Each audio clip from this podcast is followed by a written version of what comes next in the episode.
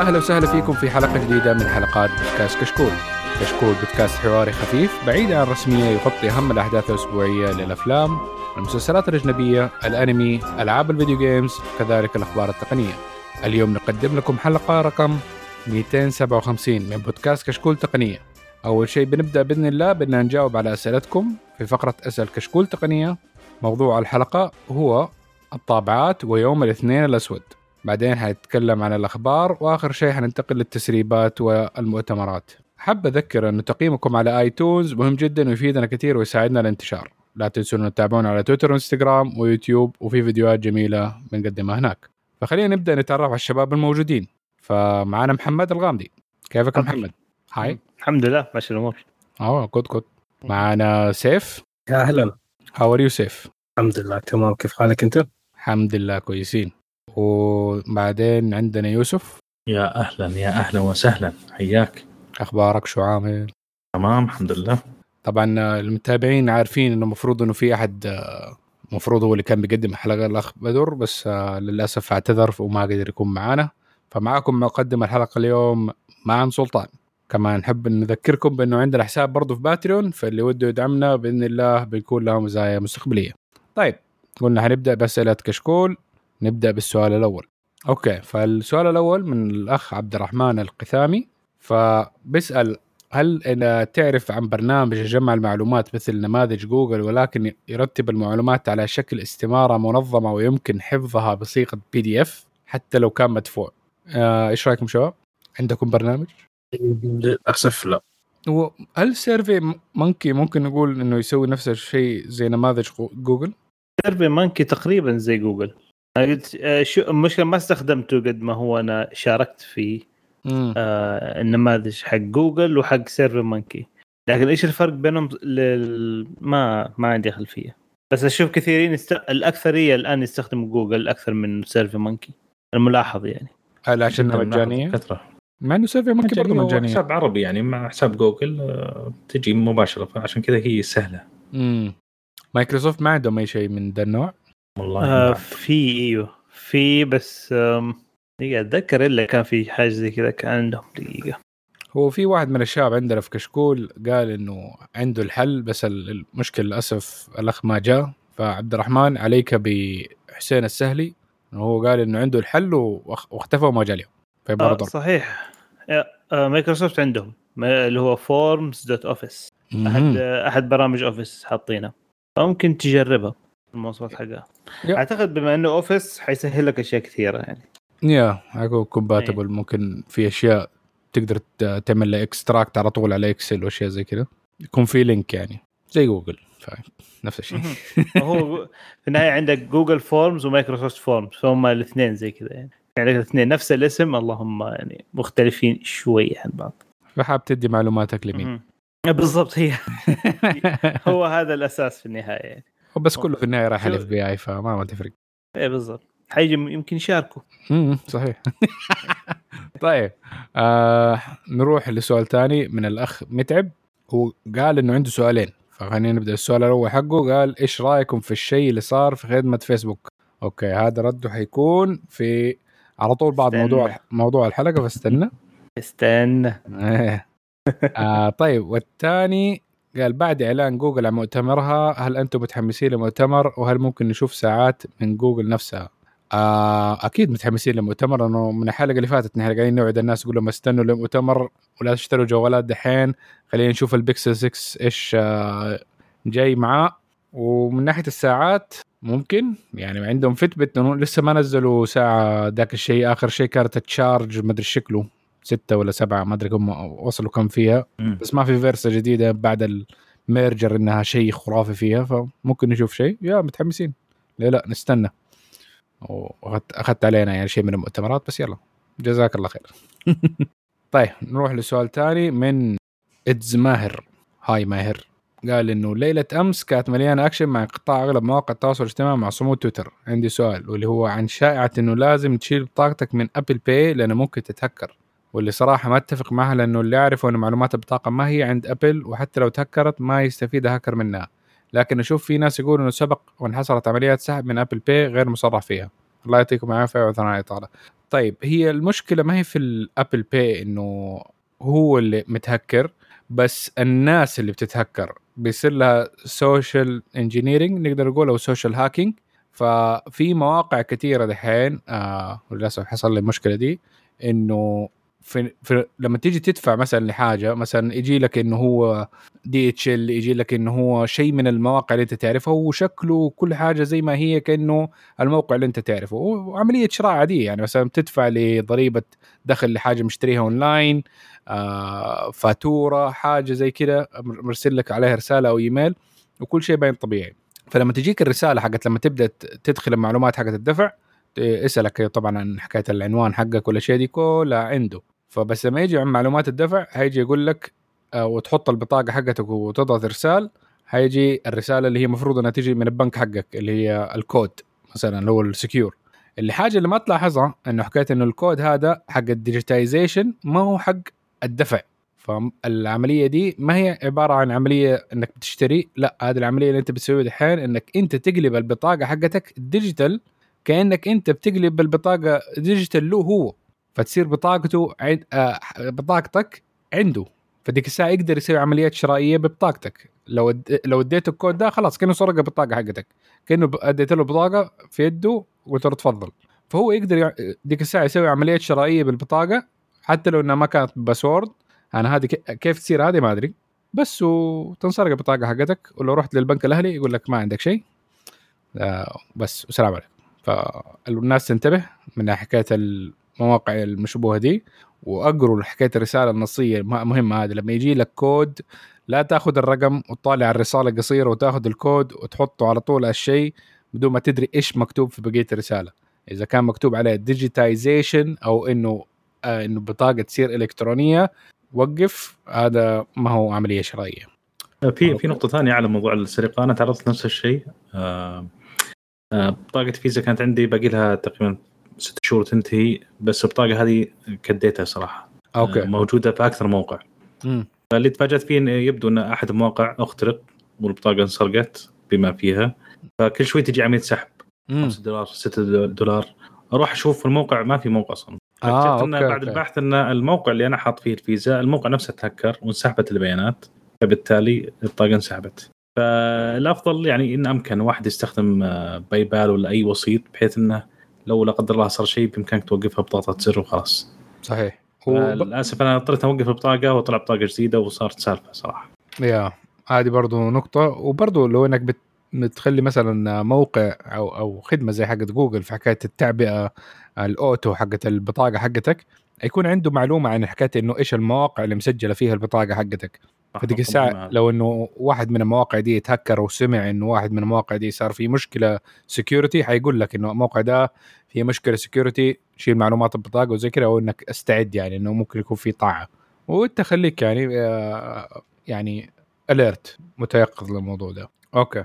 برضو شيء ثاني كمان طالع في الرابط. إذا جالك إيميل شوف من المرسل. الاسم مو ضروري هو نفسه اللي يجي لك اسم بعدين at Hotmail ولا at أي موقع ثاني. غالبا يجي لك حروف ورموز وأرقام. لا ما هذه شوف غريب. اللي صار معايا كان كله نفس الشيء غير فرق حرف واحد. حرف واحد. أها بالضبط. هذه هذه أحد الأشياء كمان اللي هذه يستخدموها متطورة هذه. إيه. إيه. على واصل معناته دافع كثير عشان اللي ياخذ ال domain هذا. آه. ف وبرضه بس برضه كمان غير هذا الرابط اللي يوديك عليه. برضه دقق في الحروف. يا يا مزبوط بس هي تعرف المشكلة حكاية انه مرات لما نسوي الروابط المختصره وتكون شوية مختلفة أصلا عن الموقع الرسمي عشان حيكون مختصر. ف... فهذه ما دام الشركات الرسمية تستخدمها فالناس تلخبط مرات. والله في حاجة أم... ال- الروابط المختصرة في موقع إيش اسمه يفك لك الروابط المختصرة صحيح. هذه. صحيح.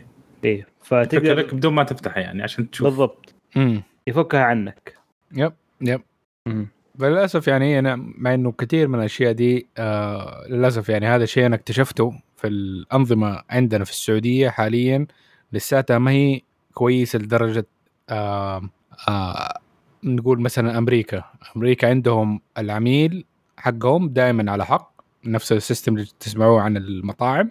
فلو صارت أي عملية مشبوهة بالنسبة لك أنت ولساتها مثلا عملية معلقة على طول يمديك آه تطالب إنه هذا عملية ما هي حقيقية وديك الساعة تتوقف العملية ويصير ديك الساعة على طول البنك يفتح آه بطاقة بينك وبين المشتري فديك الساعة حيجي البنك يتواصل مع اللي سوى العملية على بطاقتك ويقول له أثبت بدليل آه إنه العميل حقي اشترى شيء منك. إيش الشيء اللي اشتراه؟ وإيش الخدمة زي كذا ولو قال له مثلا إنها اشترى لعبة فلانية ولا هذا قول له قول له فين الفاتوره ويقول له جيب الشحن وإنه العملية متى صارت زي كذا. فإنه يطلب منه أدلة عشان يثبت إنه عملية حقيقية.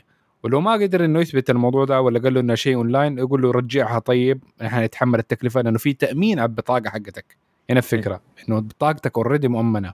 فمهما صار إنه إيش إن شاء الله ما ما يصير لك شيء. بس عندنا هنا أنت مذنب حتى تثبت ادانتك للأسف. فإن شاء الله يتحسن الوضع في تأمين البطاقه لو تبغى هنا. آه بس على حسب. هنا لو إنه برضه صرت العملية ومثلا زي حقة ال digitization سويتها مدفوع على فكره بس لازم تكون أنت الدافع حق الاشتراك شهري إي بس تعرف إنه هذه إنه لازم البنك حقك يطالب بالتأمين. فلو ما البنك ما بدوش دماغه ممكن يسحب عليك عادي. يقول إنه خلاص العملية صارت رسمية وأنت أديت الكود بنفسك. خلاص. ليش أديت الكود؟ ما, آه، يعني طريقة غريبة يعني صراحة ما هو في آه، لو نجي الاصح ترى ملاحظ إنه في يعني في العمليات الإلكترونية آه، عمليات الدفع يعني بالبطاقة مرات يعطوك كود ومرات ما يعطوك مرات على مثلا يعني خلينا نقول أمازون هي مرة واحدة صارت الكود يمكن من سنين يوم أول ما اشتريت م. إلى الآن ما جاء ولا مرة كود yeah. آه لكن تجيك مرات في مواقع يعني خدمات مثلا هنا لما أجي أحجز على السينما مثلا تذكرة. كل مرة بيطلب من الكود على أي. كل عملية شراء إيش معنى هنا وش معنى هنا؟ ما أعرف. هذه هذه برضه ما عارفين ليش مرات تصير كذا وكذا. بس اللي فاهم ف... إنه مواقع ال local هي اللي تصير فيها عادة الأشياء دي إنه دائما اطلب الكود مستمر. بس المواقع الخارجية ممكن يطلبها مرة مرتين بس بعدين خلاص يصير كأنه زي ال secure. صح. هو مجرد ما أول مرة خلاص تفعلها خلاص مسجل عندهم إن أنت تدفع عن عندهم أكثر من مرة كذا طيب لو رجعنا شوي للسؤال آه، موضوع Apple Pay sure Apple Pay مخزن على على نفس الجهاز. صحيح؟ ما هي مخزنة على النت يعني. بس عشان آه. تكون فكرة ال Apple Pay وين مخزنة بيانات البطاقة اللي في Apple Pay؟ المفروض إنها على البطاقة بس إنه في شيء بينه وبين البنك ال local حقك. يعني في يعني آه موثوقية. إيه، في في توثيق للموضوع اللي بيصير مع البنك حقك عشان تديله زي لأنه الكود حقه يختلف بينها وبين البطاقة الرسمية حقتك. وعلى فكرة صعب إنه يتهكر موضوع إيه، هنا سؤال يعني عشان الواحد يطمن إيه. بس. يا يا. آه لا صعب صعب يتهكر صعب يتهكر لين تحط بصمتك بس أنت سهل إنك تتهكر هذه هي. هي هنا. الفكرة. إنك أنت إنك أنت طوعا بتدفع. بالضبط. إيه. عمليات السحب ممكن تكون إلا إنك أنت اللي سويت العملية هذه. يب. أوكي.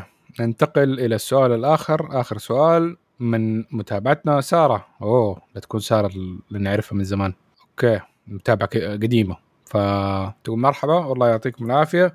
أه تبي تشتري لابتوب بالمواصفات اللي في الصورة. فخلينا نشوف إيش المواصفات اللي حطتها. okay. فتبى لابتوب Intel Core i7 عليه Windows 10 Pro ال memory 16 جيجا. التخزين 512 آه ال graphics card ما ما فرقت معه إنه لو كان مدمج اللي في ال processor it's okay و... ويكون اللابتوب 14 بوصة. okay. ويكون المبلغ 329 دينار كويتي. كم حسبناها نحن؟ ما أدري يمكن 3000 ونص 4000 في حدود هذه. okay. طيب أحد عنده اقتراحات لشركة معينة أو حاجة؟ أو اي سألت إنه حكيت إنه Surface هل ال Surface ينفع؟ سيرفس كويس. ما هنا يعتمد على الحاجة.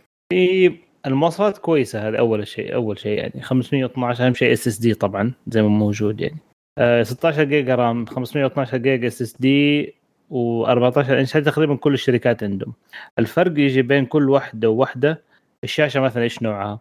IPS ولا TN ولا OLED أظن ال TN بدأ phase out ماني ملاقي تي ان آه في ال 4000 ما أيوه قليل. لا في ال في ال في ال range هذا لا. آه ما ما في كثير منه. لكن آه مثلا مواصفات الشاشة ال resolution حق الشاشة 4K حتى على 14 إنش تخيل في في, في منها 4K مثلا يعني. yeah. ما لها داعي ترى مرة كثير يعني. بس تعرف آه. المشكلة إنه هي ما هي عشان ال 4K بس هي عشان ال quality حق ال panel أعلى وال color accuracy حقها أحسن. مرات يكون في مزايا في أيوه فالميزات حق. الشاشة 4K مو عشانها 4K عشان الأشياء الثانية اللي جاي معاها. والشيء الثاني كمان إذا لمس بشاشة لمس فيها عشان يدعم قلم والأشياء دي. هذه الأشياء اللي ممكن تغير في السعر. آه لا صح معليش نرجع لفكرة ال brandات مين أحسن واحد. مهم. ما في فرق كبير صراحة.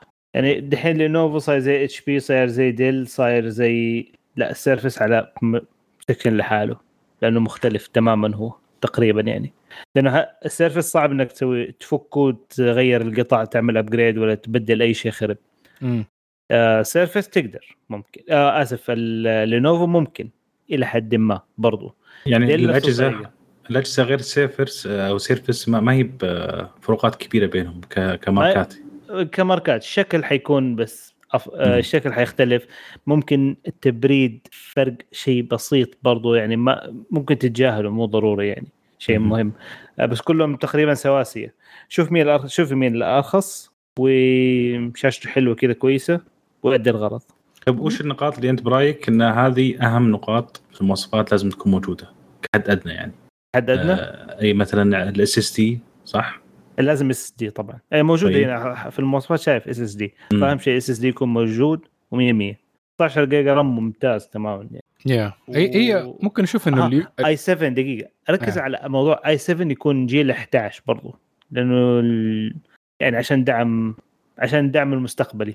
Windows 12 مثلا ينزل. حيقعد لغايه 12 ما دام إنه مواصفات 11 يعني أي لابتوب تشتري دحين أكيد ما حيدعم 12 لأنه زي ما شفنا في ويندوز 10 نفس الشيء. آه صح. حينزل خمس بعد خمس سنين. يا اي بس أما يعني آه، ال- الجيل 11 حق انتل شوية أحسن. العاشر ما هو بطال. في شوية في يمكن حوالي 5% مدري 7% فرق في الأداء تقريبا بين الجيل العاشر وال 11 فإذا في مجال ال 11 خذ ال 11 okay. آه أنا أشوف ممكن آه إنه حكاية على حسب الاستخدام. أنت تقدر تشوفي إذا ال Surface إذا تبي التابلت حيكون استخدامه مختلف عن البقية. إذا كنت بتتكلم عن ال Surface Laptop حيكون شبه البقية بس ممكن في أشياء ناقصة أكثر من البقية أكثر من إنه في مزايا عن البقية. ممكن الشكل وال quality حق ال finishing أحسن في ال Surface بس آه في ال range حق ال 4000 ممكن تلاقي Surface ما اظن بنفس القوة حقت الأشياء اللي بنفس السعر من ال Dell والماركات الثانية فأنت شوفيها من ناحية حسب استخدامك أنت. إيش الأشياء اللي هي مهمة؟ ال extra غير ال i7 والأشياء اللي حط- حطيتيها.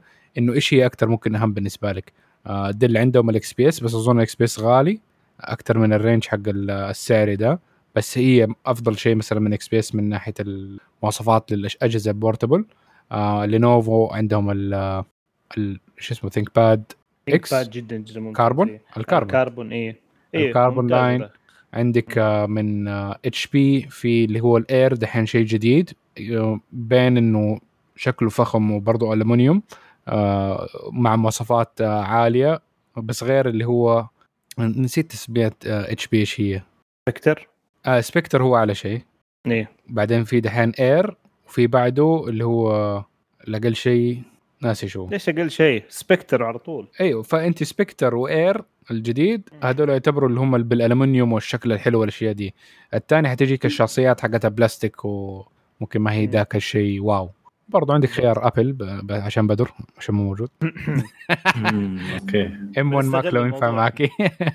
التعزيز إذا تبي شيء بطاريته إذا مهمه بطارية عندك عندك وتبغي شيء يقعد 14 ساعة 18 ساعة عندك ال M1 Mac تقدر تتفرج فيديوهات يوتيوب لغاية ما تطلع من خشمك ال Surface 16 ساعة. اللي جد لي. ما حد جربها لسه. ما حد جربها لسه. طيب okay كده خلصنا الأسئلة حقت كشكول. فنجي دحين للموضوع الحلقة واللي هو عن الطبعات. أوه. طيب نحن قلنا انه حنسوي في حاجة لازم disclaimer هنحاول برضو عشان نختصرها عشان وقت. هنخلي موضوع الطبعات فيديو للمتابعين فاستنوا الفيديو هذا حيكون موجود على اليوتيوب إن شاء الله. لسه ما في ETA على الموضوع بس ان إن شاء الله بالأسبوع الجاي حيكون موجود. فحنتكلم شوي باختصار على الطابعات. يبدون أسعار مرة ذاك الشيء وهذا. ففي الأسبوع- في الفيديو حيكون في آه، إيش الطابعات اللي ممكن موجودة. هنا موجودة في السعودية إيش الموجود في جرير والاشياء دي. فحنكون في دقيقين أكثر. طيب واضح. هل راح يكون إجابة على الأسئلة ال- متعبه لموضوع الحبر والتعبئه الحبر والأشياء. هذه هذه حنجاوبها دحين. برضو وحن برضو حتكون موجودة في الفيديو. يلا. متحمسين على الفيديو متى الفيديو بس. آه، على حسب ما يوسف متى يفضى ويقدر يسوي اديتنج أي okay okay. لا لا لا لا. وأعطيه شوية 8 ساعات. footage يلا تعال. آه، يلا فين؟ وين نحطها في يوسف؟ هو يوسف تاخر okay. Okay ف خلينا نبدأ فيها. الطابعات إيش الأنواع الموجودة؟ وإيش ال... إيش اللي يكون مثلا مناسب بالنسبة لك؟ فالطابعات عندنا آه نبدأ بها آه عندنا اللي هو inkjet اللي هي تبخ الحبر خلينا نقول. آه وهي الطابعات اللي المشؤومة اللي نحن متعودين عليها. آه كل البيوت عدت عليها أكيد inkjet في فترة ما من حياتها. ال inkjet عبارة عن إنه الطابعة فيها زي ال cartridge أو فيها أشرطة للحبر. وهنا ال- الأكبر جزء من المشكلة حقت الطابعات دي اللي هي الحبر آه بالنسبة للناس. فالحبر نفسه موجود في الشريط آه وتقريبا موجود داخل اسفنجه ما هو مرة liquid جوا اسفنجة. آه والحبر يطلع من الاسفنجة ده يطلع لي زي الراس موجود داخل الطابعة وبطريقة حرارية زائد آه آه electronic بمغناطه الكهرباء من حكاية إن ال- ال difference بين ال- الموجب والسالب يبدا ر- رش الحبر على الورقة. فتقوم تبدأ تطبع line by line فإنها تبدأ تس... عشان كده تسمع صوت طابع إنها مرات تروح يمين يسار يمين يسار يمين يسار. هذا هو حكاية الراس حق الألو... ال- الحبر والألوان قاعد يتحرك يمين يسار ويديها رشات على الورقة. مزايا إنه سريعا نسبيا مثلا بالطبعات القديمة والتكنولوجيات القديمة. آه اللي اقدم من ال inkjet. فاللي اقدم من ال inkjet هذه حتكون أشياء قبل ال 2000 يعني فبعد 2000 أغلب الطبعات صارت inkjet في أغلب البيوت. آم، طبعا الميزة من المزايا حقت الإنكجت بالنسبة للطبعات اللي حنتكلم عنها الثانية حكايه جودة الصور. ففي الإنكجت هي الطابعة الوحيدة اللي ممكن تلاقي فيها آه، جودة صور إنها تطلع لك بعض الطابعات مو كل الإنكجت واحد في فرق. يعني عندك الطابعة الإنكجت اللي فيها أسود أحمر وإيش أحمر أزرق وماجنتا مثلا أو ثلاث ألوان أبو أربع ألوان هذه عادي عادة تعتبر سوقية شوية. هذه حقت تطبع أشياء كويسة نسبيا من ناحية جودة الصور بس ما تنفع إنها تطبع آه، صور صور زي اللي أنت تاخذها مثلا من ال آه، إيش اسمهم دحين محمضين الصور؟ استوديو. الاستوديوهات إيه. ما, ما هي studio quality إيه. ما هي ال quality العالي ذاك. تيجي تشوف ال inkjet اللي studio quality تلاقي إنه فيها مثلا تسعة ألوان موجودة. وهذه واحدة من مزايا ال inkjet إنه هي أصلا لما تيجي تبخ يمديها إنها تاخذ ال- اللون اللي in between فان لما ترخ آه، تبخ لونين مع بعض إنها تقدر تحصل على لون ثاني فلما تكون. عندك ثلاث أربع ألوان شوية صعب ان إمكانيات الخلط حقتها شوية محدودة. بس لما تكون عندك تسعة فيصير عندك ال gradients أو كمية الالوان اللي يمديك تطلع معاك أكثر تدرج فيها يعني؟ التدرج فيها. م-م. وعشانها برضو هي بتبخ الوان فعاده لما تحط ورق آه عادي مثلا بلين وبتبدأ مثلا تطبع صورة آه حتلاقي إنه مثلا دائما تجيك الورقة شوية إيش مبللة كأنها. هذه برضو ناتج من حكاية إنه نوع الورق اللي مستخدم مرات نحن ما نستخدم أفضل ورق للإنكجت. في أوراق أحسن تنفع للصور في اللي هي الجلوسي في ال- اللي هي اللميعة وفي برضو ال- أنواع الورق نفسه يفرق فمن ناحية إنه إيش ال- ال- الجودة لأن هي عملية الخلط وإنها لما تنزل على الورقة آه، جزء من أهمية إنه حكاية ال- الصورة تطلع أفضل شيء إنه النوع الورق يكون معلوم للطابعة. فلو بتستخدم اللي هو النوع العادي اللي هو زي ال Roco آه، اللي كل أظن- اغلبنا نستخدم ال A4 مثلا Roco حيديك جودة منخفضه غير إنك لو أخذت اللي هو ال- الأوراق ال special حقت الطابعة ديك الساعة حيدي لك أداء ممكن أحسن. ومعلوم والطابعه مدي ديك الساعة تدي آه، على ال calibration حقها آه، ألوان وأشياء مضبوطة. هذه ال inkjet okay؟ المشاكل حنتكلم عليها في الأخير. فخلينا بس نشرح كل طابعه الطابعه اللي بعدها اللي هي الليزر. الليزر آه مختلفة عن ال inkjet من حكاية إنه الحبر ما هو سائل بودرة. آه فالبودرة حتكون موجودة برضو زي الشريط زي ال cartridge. آه يدخل الطابع. عادة أغلب ال- الليزر تكون أسود آه أبيض اسود بس حاليا في موجود برضو آه ليزر ملونة بس آه ليها مشاكلها حنتكلم عنها. طابعات الليزر عادة أغلى من ال inkjet آه لأنه فيها شوية نقول تعقيد أعلى من ال inkjet ال inkjet شوية أبسط لأنه راس يرش وانتهى الموضوع. ال- الليزر مختلف. لا في ليزر يجي من في زي ال- الليزر يخش على منشور زجاجي. ال- الضوء على زي السلندر شيء اسطواني. ال- الشيء الاسطواني هذا حيكون لما يجي ليزر عليه تبدأ اكتب المعلومات أو الصورة والشيء اللي تبغاها عليه. وبنفس الفكرة حقت ال inkjet إنه حكايه في فرق بين الكهرباء الموجب والسالب. ديك الساعة حيمدي ال- ال- ال drum أو ال- السلندر هذا اللي هو بيلف إنه الأماكن اللي تعلمت عليها بالليزر إنه هي الأماكن اللي حتاخذ الحبر. فهو يلف ياخذ الحبر وصار انطبع الحبر على ال- على الدرم هذا ديك الساعة لما تيجي الورقة يقدر هو يلحم في الورقة ويطبع الشيء اللي أن- انحفر عليه أو أتعلم عليه على الورقة بالحرارة. فعشان كده أغلب الوقت لما تطلع الأوراق من ال- ال laser printer حتلاقيها حارة دافية. كده وجميله تحطها تقول الله الله. بالضبط تحس بالدفء والحنان.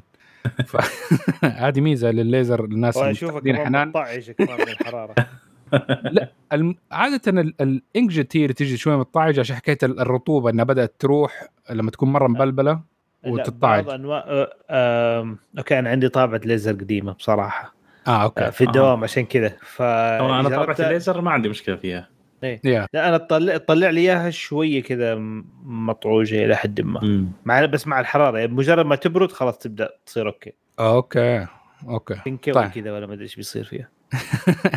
هي بتنكوي. literally في سلندر قاعد يكوي لك الورق بالحبر حقها فالليزر عشان حكاية إنها بتطبع بالليزر والليزر سريع على سلندر وعلى طول ينطبع فاسرع أنواع الطابعات حتكون ليزر فاللي جدا مهتم بحكاية السرعة وبرضه دقة ال ال نقدر نقول الحروف عشان ال ال ال الإنكجت يعتمد على بخ فمرات ال الأشياء ما تكون شارب ما تقدر تحصل على زوايا آه حادة. بس الليزر عشان بيرسمها بالضوء قاعد فتقدر تحصل على زوايا حادة. فمن ناحية أفضل شيء مثلا لل- للورق اللي مكتوب عليه شيء هتلاقي إنه الليزر أفضل آه نتيجة لذا الشيء. في الك... في الك... الأشياء النصية. في الأشياء النصية مزبوط بس من ناحية ال- ال- الصور من آه، فلما تطبع أشياء مثلا عادية زي إنك بتطبع أشياء PDF محاضرة معك في الشغل فيها pie chart فيها جداول أشياء زي كده ما عندها مشكلة حتى لو بألوان للطابعات الليزر بألوان. بس لما تيجي آه، تطبع صورة ديك الساعة يجي الضعف حق الليزر إنه ما يقدر يعمل خلط الألوان اللي يقدر يسويها ال- ال inkjet. فحتى لو كان عندك آه، laser jet فيها ألوان برضو ما يقدر يعمل خلط الالوان فتجيك الالوان شوي كده مبهته أو كأنه ما في transition تقدر تشوف إنه آه، آه، ك- ألوان فجأة تكون غامقة بعدين فجأة فاتحة تقدر تلاحظ الحدود حقتها. آه، هذه مشكلة الليزر. فإذا تبغى شيء مثلا إنك تطبع فيه صور مناظر طبيعية وهذا أنسى موضوع ال- الليزر. ما لك إلا ال inkjet آه في نوع جديد آه نقدر نقول آه خلي خلينا نتكلم دحين عن مساوئ لأنه تقريبا هذه أغلب ال- الطابعات اللي ممكن ال- الشخص يقا- يقابلها. آه فحنبدا بالمساوئ حقت الاثنين. بعدين نتكلم عن النوع الجديد اللي ممكن الناس آه، تفضلوا عن البقية. طيب فبدأنا إحنا قلنا مساوئ آه، واحدة من مساوئ الليزر إنه حكاية الأكيرسي حقه في الصور ما هي ذاك الشيء. فالإنكجت إيش المساوئ حقته؟ حكاية أبطأ نقدر نقول. والحبر حقه بمليون ريال. هو مو مليون ريال بس إنه. ال ال الشركات عادة تبيع طابعات ال inkjet بخسارة. فمثلا نقدر نقول الطابعة اللي ب 500 ريال قيمتها أصلا 500 آه، ألف ريال. أعتبره ال double تقريبا. فهم كيف يعوضوا الشيء السعر ده اللي خسرانينه فحكايه إنه يرفعوا لك سعر ال- آه، ال toner أو اللي هي مو ال toner آه، ال ink ال- الحبر نفسه.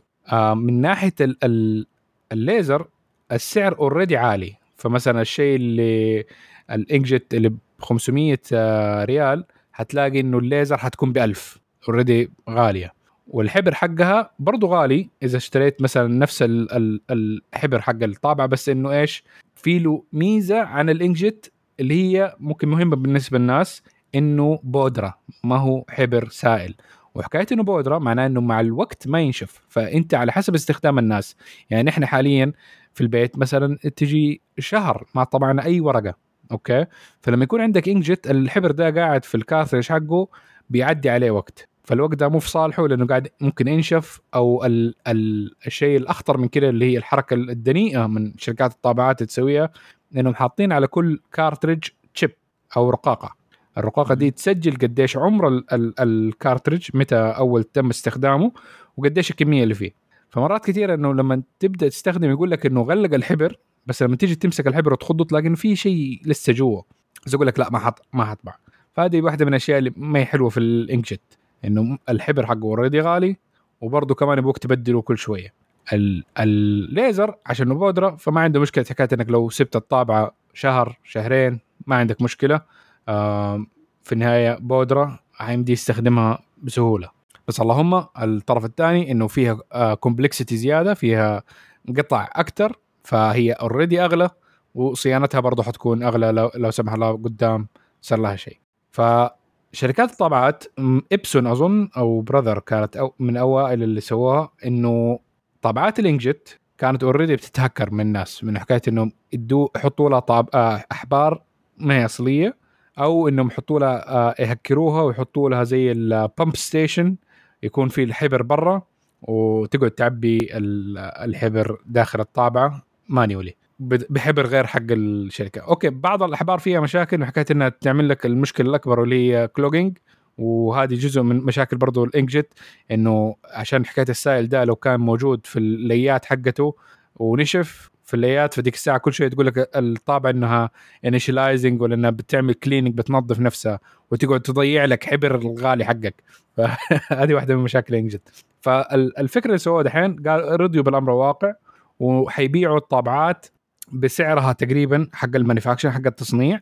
زائد إنه حيكون بدل ما يكون عندك cartridge اللي هي الأشرطة حيكون عندك tank فهذه آه، اللي هي تانك انك جيت الجديدة إنك أنت تعبي الحبر حقك بنفسك. فيمديك تشت- تشتري الحبر حقهم أو إنك تحط حبر آخر إذا تبغى.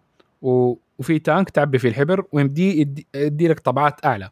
فنقدر نقول إنه إذا الطابعه برضه هنمسك بال 500 ريال. إذا كانت الطابعه 500 ريال آه الانجت بمواصفات معينة. مثلا نقدر نقول لك المواصفات ثب- ثبت المواصفات. اللي هي انها تدي لك سبع ورقات في الثانية أو عشر ور- ورقات في الثانية طباعه ملون ووجه قفا. ديك الساعة نظيرها نفس المواصفات من ال- التانك؟ هتلاقيها ب 1000 ريال دبل السعر. بس اللهم الحبر حيكون جدا أرخص. وعادة مثلا ديك ال ال- ال 500 ريال حتدي لك مثلا 1000 ورقة ملون 1000 ورقة أبيض وأسود. هذيك تقدر تدي لك بالحبر اللي جاي معاها وهي ب 1000 ريال تقدر تدي لك 7000 أبيض وأسود 7000 ملون. عادة هي الح... ممكن تعتبر استثمار أفضل. يعني أدفع مبلغ في البداية بس أرتاح من موضوع الحبر. بالضبط. فالناس اللي آه، عندها طباعة كثيره وما ما فرقت معها السرعة لأنه برضو آه، واحدة من الأشياء إنه أغلب ال- الطابعات ال- ال tank الجديدة حاليا لسه ما عندهم اللي هي ال high end ما عندهم اللي هي آه، يعني أحسن طابعة inkjet okay؟ لساتها حتكون في ال inkjet بشرايط ما حتلاقيها ب tank. فحاطين هم أغلب الطابعات اللي نقدر نقول في الفئة المتوسطة وال- والابتدائية قالوا حطوا لها اللي هي ال tank. بس ما في شيء high end فما في أسرع أو أسرع شيء inkjet بس ب tank. آه، فهذه مشكلة. بس إنه إذا للاستثمار وإذا عندك كمية أوراق كثيره بس ما عندك مشكلة مع السرعة آه، اللي بال tank حتكون توفر عليك جدا مبالغ كبيرة وتنفعك في المدى الطويل. وتنفعك أكثر طبعا لو كان عندك طباعة مستمرة. فلو عندك عارف إنه مثلا آه، عندك طلاب أو عندك شركة وعارف إنك حتطبع على الطابعة فإنه الحبر قاعد شغال امشي فيها فما عندك مشكلة بال آه بالإنكشت بالتانك آسف. متى الليزر كيف الحبر؟ كيف؟ آه عادي. حتلاقي في زي ال- الغرفة ت- تفتحها عليها التانكات تيجي تشتري الحبر أنت مثلا من جرير ولا أي مكان وعلى حسب آه، تصميم الطابعه إنك حتقلب الحبر وتحطه فيها. بس كل- السعر لازم تاخذ. لازم آه، لازم تاخذ الحبر حقهم. آه مو لا. ضروري لا مو ضروري آه يمديك تحط أشياء تانية طبعا بس حيقول لك إنه إيش ما في ضمانات عشان. حكايه انه اي ما هو. معتمد إيه بس إنه آه اسعار تقريبا نقدر نقول ال أقل يعني ولا جداً. السعر؟ يعني آه يعني لو فرضا السعر خلينا نقول نفترض إن قبل أشتريها ب 500 مثلا كمثال مم. كم ممكن أشتريها الآن؟ مثلا أنت ممكن حتشتريها برضه ب 500 طيب بس الديكه كانت تدي لك 1000 ورقة هذه تدي لك 7000 آه أوكي. فرق. أيوه كبير. فلما تحسبها بالورقة الواحدة أنت قديش موفر هتلاقي إنك موفر مرة كثير فيعتبر كأنه آه 1% من من التكلفة الأولانية. ممتاز. ممتاز. فهذه ميزه على على موضوع الأحبار أفتكر آه، مرة شفت واحد مقطع آه، في يوتيوب. واحد تكلم عن كان يشتغل عند أحد شركات ال- الطابعات المشهورة. امم وكان يشتغل في ال support في الدعم. okay. أما فاتصل في واحد يقول له مدري إيش الطابعه عندي كذا كذا كذا مشكلتها. آه، فالمشكلة طلع إنه خلص الحبر. قال آه طيب خلاص مدري إيش آه، آه، إنه آه، أديك حبر أرسل لك حبر مدري إيش أسوي لك دحين طلبية مدري إيش. قال له واتفقوا على الأسعار وإلى آخره. بعدين شاف إنه السعر ما عجبه. قال له أسوي لك فيها خصم. ف بس إنه يقدر في طبعا مارجن معين يقدر يخصم فيه. لكن يوم جاي يشيك على السعر هو بس حط الاوردر ما طالع في الأرقام بنفسه. بس يقول لك فجأة كذا طالع في السعر في الحين عندك السعر الحق لما تحط حاجة في في السلة مثلا عندك سعر المنتج وسعر التصنيع تكلفة على الشركة. فعنده في الشاشة طالع تكلفة التصنيع حقها.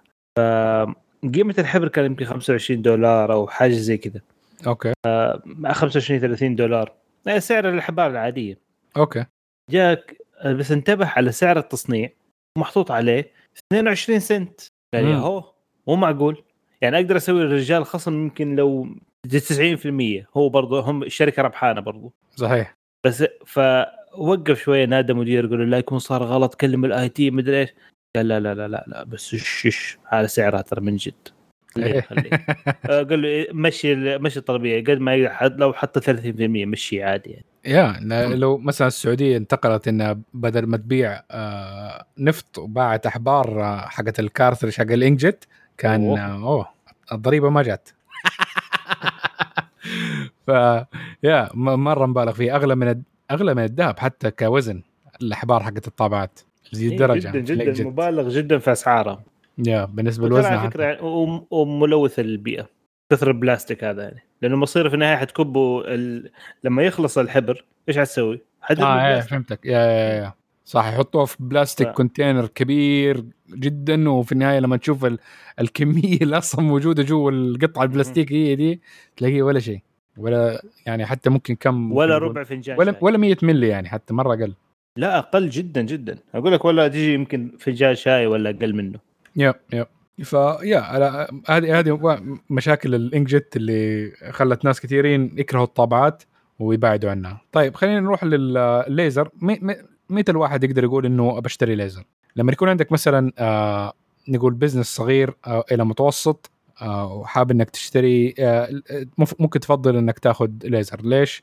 آه سريعة فيمديك إنك آه تطبع أسرع بالناس إنها ما تستنى كثير عند الطابعه عشان تحصل الأوراق اللي تبغاها. زائد إنه آه. كمية الأوراق اللي تطبعها بالنسبة لل toner حقها جدا عالية فهذه ميزة برضو. آه في برضو حاجة تانية الليزر برضو ممكن نستخدمها في البيت. ليش؟ إذا أنتم من الناس اللي ما تطبعوا frequent ما عندكم مشكلة بالسعر الزيادة اللي في البداية برضو ال- الليزر تعتبر آه استثمار جيد آه لأنه يمديها مثلا تقعد سنة كاملة يدوب ما تستخدمها والحبر اللي فيها ما حينشف آه هذه ميزة. للناس اللي مثلا تطبع كثير فجأة بس إيش؟ بين الط- الطباعة والطباعة تكون في فترات زمنية طويلة. من الميزات الثانية واحد برضو يفكر فيها وقت ما يشتري الطابعة. عندك اللي هي خلينا نتكلم حكاية انها هل يمديها تطبع دوبلكس اللي هي وجه وقفا وإذا يمديها تسويها بسرعة ولا لأ إنه ادوا لها تقييم فكل طابعه يقول لك إنه طباعة الورق بالطريقة العادية وطريقه طباعة سرعة طباعة الورقة بالدوبلكس اللي هي وجه وقفا هذه ممكن تديك آه تقدر تفضل طابعة طابعة من ده الشيء. حكاية إنها تقدر تعمل scan هل هي فيها سكانر مدمج؟ هل فيها فاكس هل فيها حكاية إنك ال feed آه إنك يمديك آه لو مثلا عندك 100 ورقة هل يمديها تعملها scan automatically بدون ما إنك انت تحط ورقة ورقة وتعمل scan. هذه ميزة مرات تكون مطلوبة آه في البيوت أو حتى في الشركات. في الشركات مهمة جدا يعني آه الشيء ده. يسهل عليك وقت مرة كثير. وبرضه كمان scan. هل هو scan عادي ولا scan duplex؟ يقدر آه، يصور. وجهه قفا صحيح. هذه مهمة هذه. يا. آه هذه برضو تقدر تخليك إنك تفرق بين طابع وطابع وتشوف مين مين منهم تفضل. آه ميزه إذا واحد معلش إذا حاب أيوه. مثلا يطبع بال AirDrop ولا شيء بعد هذه واحدة من ممكن مميزات مهمة. yes آه محتاج إيه. ال software المدعوم. هل الشاشة حكايه الشاشة ترى يعني مرات إنه تقول آه ما هو ضروري أنا بطبع already من الكمبيوتر. بس لما يكون عندك USB وتبى تطبع حاجة وتعمل scan وتبى تشوف الشيء اللي أنت بتسويه الشاشة مرات تكون مرة تفك أزمة في اللي تكون في الطابعات. فكثير من منها دحين موجود فيها فيها ميزة آه، إنه يكون فيها شاشة كبيرة وجيدة. آه يفضل يعني. ميزة أنا دائما أشجع إنها تكون موجودة. آه في كثير من الطابعات دحين غير البلوتوث غير ال wireless إنه صار فيها NFC فيمديك تلمس الجوال وتبدأ تطبع على طول. فهذه ميزة حلوة.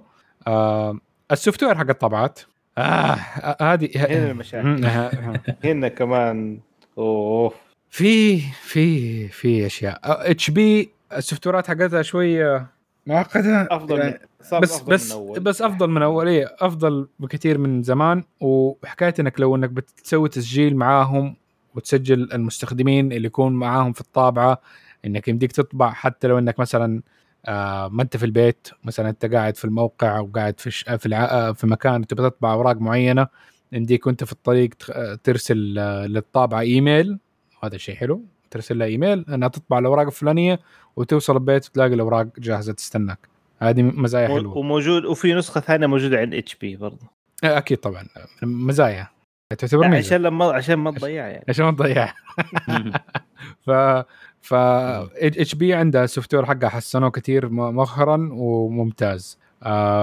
طابعات ال Canon برضو عليها software إلى حد ما كويس بس ما ممكن ما في نفس المزايا حقت HP تقريبا HP هي المتفوقة مرة من ناحية ال software واشياء ال cloud وال multi-cloud هم الأفضل حاليا.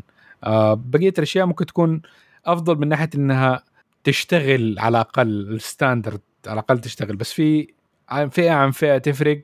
آه، في تلاقي مرات صعوبة حكاية إنك تشبك الطابعه حقتك بال wireless modem اللي عندك. دائما تصير في مشاكل. هذه دائما تصير. ف حاول إنك تشوف الطابعات اللي مسهلين الموضوع ده وفي ال software حقهم جيد من ناحية إنك تقدر تعمل link بين الطابعه حقتك وال wireless modem اللي عندك في البيت عشان يس- يسهل التعرف على كل الأجهزة اللي موجودة في البيت. yeah من ناحية برضو تانية إنه واحد برضو المشتري لازم يحط في باله حاجة خاصة بيوت إنه يحطوا هذا في الحسبان. آه، في مشكلة من ناحية حكاية شركات الطابعات واللي يسووه من ناحية الضمان. مو كلهم سوا. فتقريبا عندنا نحن حكاية سنتين الضمان موجودة في السعودية هذا شيء كويس. بس أغلب شركات الطابعات ما تق... ما تشيل قطع غيار أكثر من أربع سنين للطابعة. وعادة يخربوا دائما بعد الأربع سنين هذه ما تعدي والله مشكلة هذه. يا هذه مشكلة. فأحط إنه أنت الطابعة ك- لما أنت على حسب استخدامك إنه أحسب أنت الس... تقريبا تقريبا أحط تقريب إنه كم ورقة طبعت في السنة. مثلا أضربها في أربعة وهذه كمية الأوراق اللي أنت طبعتها خلال السنة. هل هذه الأوراق آه، أحسب قيمتها السوقية مثلا بالطباعة في مكتبة مكتبات ولا شيء أماكن الطباعة العادية وشوف أنت كم سعر الطابعة اللي أنت بتعمل لها انفس... آه، بتشتريها. صح إنه ال- إنه الطابعة ما دام إنها في بيتك شيء جيد وحتسهل عليك مواضيع كثيرة وموجودة في أي وقت تبغاها بس مرات لو التكلفة كانت أكثر إنك لو إنك حتغيرها كل أربع سنين تضطر تغيرها كل أربع سنين يعني هذه اسوء الحالات أنا بتكلم بس إنه ممكن تحصل ذا الشيء إنه هل هذا بالنسبة لك يوفر أكثر ولا لا؟ صح إنه في حكاية إنه إنك تروح المكتبه إنه في هذه بنزين الروحة وبنزين الرجعة. وشغلة إذا كان ما عندك آه، مكتبات قريبة من بيتك هذه كل الأشياء أنت الواحد يفكر فيها ويحطها in consideration إنه هل الشيء ده يحتاجه ولا لا خاصة إنه دحين بدأنا نقدر نقول إنه في ال culture ثقافة العمل عندنا بدأنا نحاول نقلل من آه، الطباعة الورقية وإنه نعتمد أكثر على الأشياء الإلكترونية. فهذه الأشياء حتساعد برضو من نقلل من اعتمادنا على الطابعات. آه فالواحد يحط إنه ممكن مو ضروري آخذ أعلى مواصفات وأعلى أغلى طابعة وأحسن واحدة بالنسبة لي. آخذ شيء يمشي الحال لأنه already الأشياء اللي أطبعها مرة قليلة وزي كذا. إذا كان عندك برضو أولاد ولا حاجة عشان مدارس حكتهم برضو الطابعات ال- ال- ال inkjet آه بال tank العادية حتكون توفي آه في ده الشيء حاول نحاول نبعد عن ال inkjet ال- العادي اللي بال cartridge إلا اذا إلا إذا بتحاول تطبع أشياء high quality. و- وتبغى ال studio quality إنها شيء جدا ممتاز وخرافي ديك الساعة مضطر إنك تستخدم ال inkjet العادي لأنه أغلب الطابعات اللي مثلا تاخذ أكثر من cartridge الستة فوق الستة والتسعة هذول عادة calibrated من ال factory يعني ومواصفاتهم مرة جيدة في الطباعة الألوان والصور. yeah ف زي ما قلنا أغلب العوائل وأغلب الناس ال inkjet بال tank جدا ممتازة. الليزر تجي بعدها وبرضه تنفع لل business والناس اللي يبغوا يحتاجوا طباعة سريعة وما عندهم مشكلة وعندهم حكاية انه بين الطباعة والطباعة تكون فترات طويلة. وما حد يشتري ال inkjet العادي إلا إذا احتاج professional grade آه صور. سلامتكم. الله يعطيك العافية. والله معلومات. قيمة وكبيرة صراحة ما شاء الله تبارك الله. جمعت ولخصت وافدت آه، بيض الله وجهك صراحة. شغل مرتب. صراحة في إيه فعليا صح. ف... استفدنا والله. الله يخليك. با- باقي الفيديو يلا. هل- سيرة الطابعات بس آه. في في مرة يمكن قبل سنتين. آه كان في طابعة تشتريها أرخص من إنه تشتري حبرة. لك تتخيل يعني.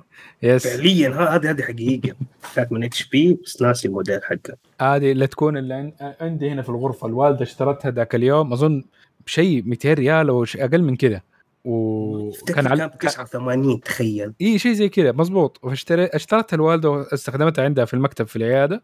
وبعدين غلق الحبر حقها وقالت لي ما نروح اشتري الحبر حقها. فرحت اشتري الحبر حقها لقيت إنه الحبر تقريبا أغلى من الطابعه نفسها. بس شوف في في تركة هم يسووا لك إيه. الحبر اللي يجي مع الطابعه عادة مثلا يقول لك آه، إنه يطبع مثلا 500 ورقة بس. الحبر اللي تشتريه تاني اللي هو ال- اللي تستبدله به يطبع لك 2000 ورقة عشان لا يخلوك إنك تقارن بيه بهذه الطريقة. في فرق. هذه هي بس تخيل تشتري واحدة جديدة ولا تشتري بس حبر؟ صراحة يعني لو تشتري واحدة جديدة أول شيء. لا لا فعلاً. فعليا أوكي هو هو يعني ويست حيكون لكن آه، في النهاية حتكون يعني لسه جديدة يعني فيها فيها إمكانيات يعني إنه تقدر تشتغل. لأنه فعليا أغلبية الطابعات خاصة لو نتكلم عن الطابعات اللي هي تجيك يعني في, ال range هذا اللي هو ال- اللي يعني تعتبر إنه سعرها مرة قليل يعني أقلها ما تطول معك فعليا. yeah yeah من ال tricks حقتهم اللي سووها. اغلبها ما تطول معك جدا رخيصة وهذا. بس يعني من ناحية ال complexity الواحد لما يطالع في كثير فيديوهات في اليوتيوب آه إذا الحاب واحد يشوف إنه كيف اتطورت الطابعات خلال التاريخ وتشوف قديش complex يعني هي في في أجزاء منها حكايه إنه كيف تقدر تكون شيء زي قد كده دقيق. آه و accurate يعني وقديش إنه صعب إنه واحد يعمل لها أصلا reproduction وليش إنه كثير منها ال mechanisms حقتها ما تغيرت كثير عن أول. تقريبا بيستخدموا نفس ال design من أول اللهم يحطوا لك NFC يحطوا لك بلوتوث هذا وزي كذا أو إنهم يزيدوا سرعتها تكتين. ففي في كمية قطع كثيره ممكن تخرب في الشيء في الشيء ده. ف yeah حلو. برضو نشوف كيف تشتغل الطابعات. الحلقة الجاي؟ فين في الفيديو. ممكن شوية. exploration فيها. فكرة. على حسب أداء يوسف. لا لا أبشر أبشر. okay طيب كده خلصنا الموضوع. آه ننتقل إلى فقرة الأخبار ونبدأ بأول خبر وهو خبر الاثنين الأسود. تفضل محمد. يوم الاثنين الأسود. أعطونا موسيقى أخبار دراما. تا تا تا. كان هناك. في العام 2021 تن. آه اللي حصل؟ فيسبوك إنستغرام واتساب فجأة قفلت. ما عاد تشتغل لا رسائل تترسل ولا تقدر تدخل ولا أي شيء بيصير في ال- يعني يعتبر يعني اسمه blackout منفصلة تم خدمات فيسبوك تماما منفصلة. لمدة آه، تقريبا حوالي خمس ساعات. حسب آه إيه، على حد علمي كانت حوالي خمس ساعات. آه ما حد قدر يعني المهم جميع خدمات فيسبوك كانت منفصلة ذيك الفترة. السبب السبب كان ال- كان في مشكلة في ال configuration أو الإعدادات حقت ال- الموجهات الأساسية في ال routers اللي موجودة عندهم اللي بين ال- ال data centers اللي بتستخدمها فيسبوك. okay. ف والخطأ بالضبط يقول إنه كانوا بيعدلوا ال BGP ال BGP ال ID حق حق أحد المواقع كان ال ID غلط. فخبص الدنيا كلها. و... وطبعا وعلى كلام إنه بناء على بناء على الخطا اللي صار أدت أيضا إلى محو معلومات ال DNS الخاصة بفيسبوك. والمواقع الأخرى برضو تتابع لها. ف مجرد ما أنت خسرت ال DNS راح عليك كل شيء تقريبا برضو. مم. ما كانت هجمات ولا حاجة. لا ما كانت شكلها. هجمه هو طيب، في البداية كان كان شكلها في البداية آه، حسب ما ظهر للعالم إنها كأنها هجمة. لكن هاكر صيني عمره 13 سنة هكر أيوه. بالضبط أيوه الهاكر الصيني ده.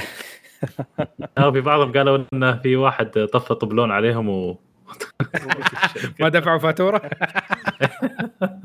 لا اللي صار كمان حتى فيسبوك نفسهم لأنه معتمد لأنهم كل شيء عندهم آه، متصل بالإنترنت. فما قدروا يدخلوا المبنى. أوه. هي الله يورطه. عشان كذا يعني ف- تأخروا؟ كيف؟ عشان كذا يعني أخذت فترة طويلة يعني من الوقت ما قدروا يحلوها على طول؟ إيه. بالضبط. امم فهذا أحد الأشياء يعني اللي اللي سببتها يعني.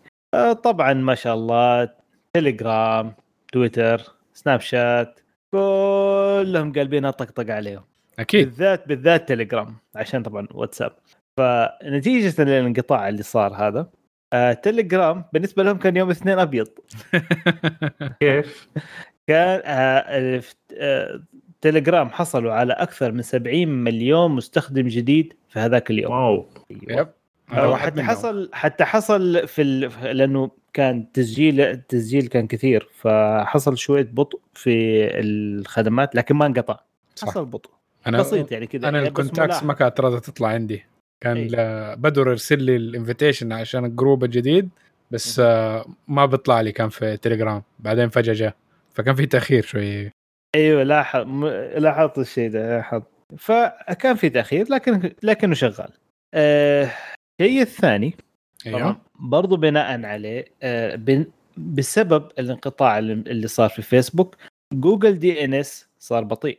آه، جوجل DNS اللي هو المعروف ب آه، 8.8.8 اللي هو ال IP حقه.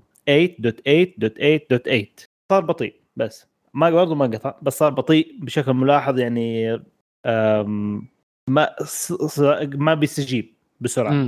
آه، السبب في إنه انقطعت فيسبوك فالمستخدمين غالب أغلبية المستخدمين في العالم بيستخدموا جوجل DNS صح. by default عن طريق ال- غالبا من الراوترات أو إعدادات البرامج أو ايا كان بس غالبا المستخدم متعارف عليه في العالم إنه تستخدم جوجل DNS. ف بسبب الانقطاع اللي صار في فيسبوك الأجهزة المستخدمين بتحاول كل مرة ترجع. كل كل مرة بترجع تحاول توصل لفيسبوك عن طريق جوجل DNS. إيش يسوي ال DNS طبعا؟ بس عشان معلومة بسيطة. ال DNS هو dynamic name system server بالضبط.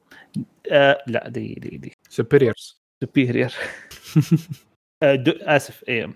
ساندويتش ال DNS هو domain name ساندويتش. domain name system أيوه هو system صح. domain name system okay. okay. domain name system إيش يسوي؟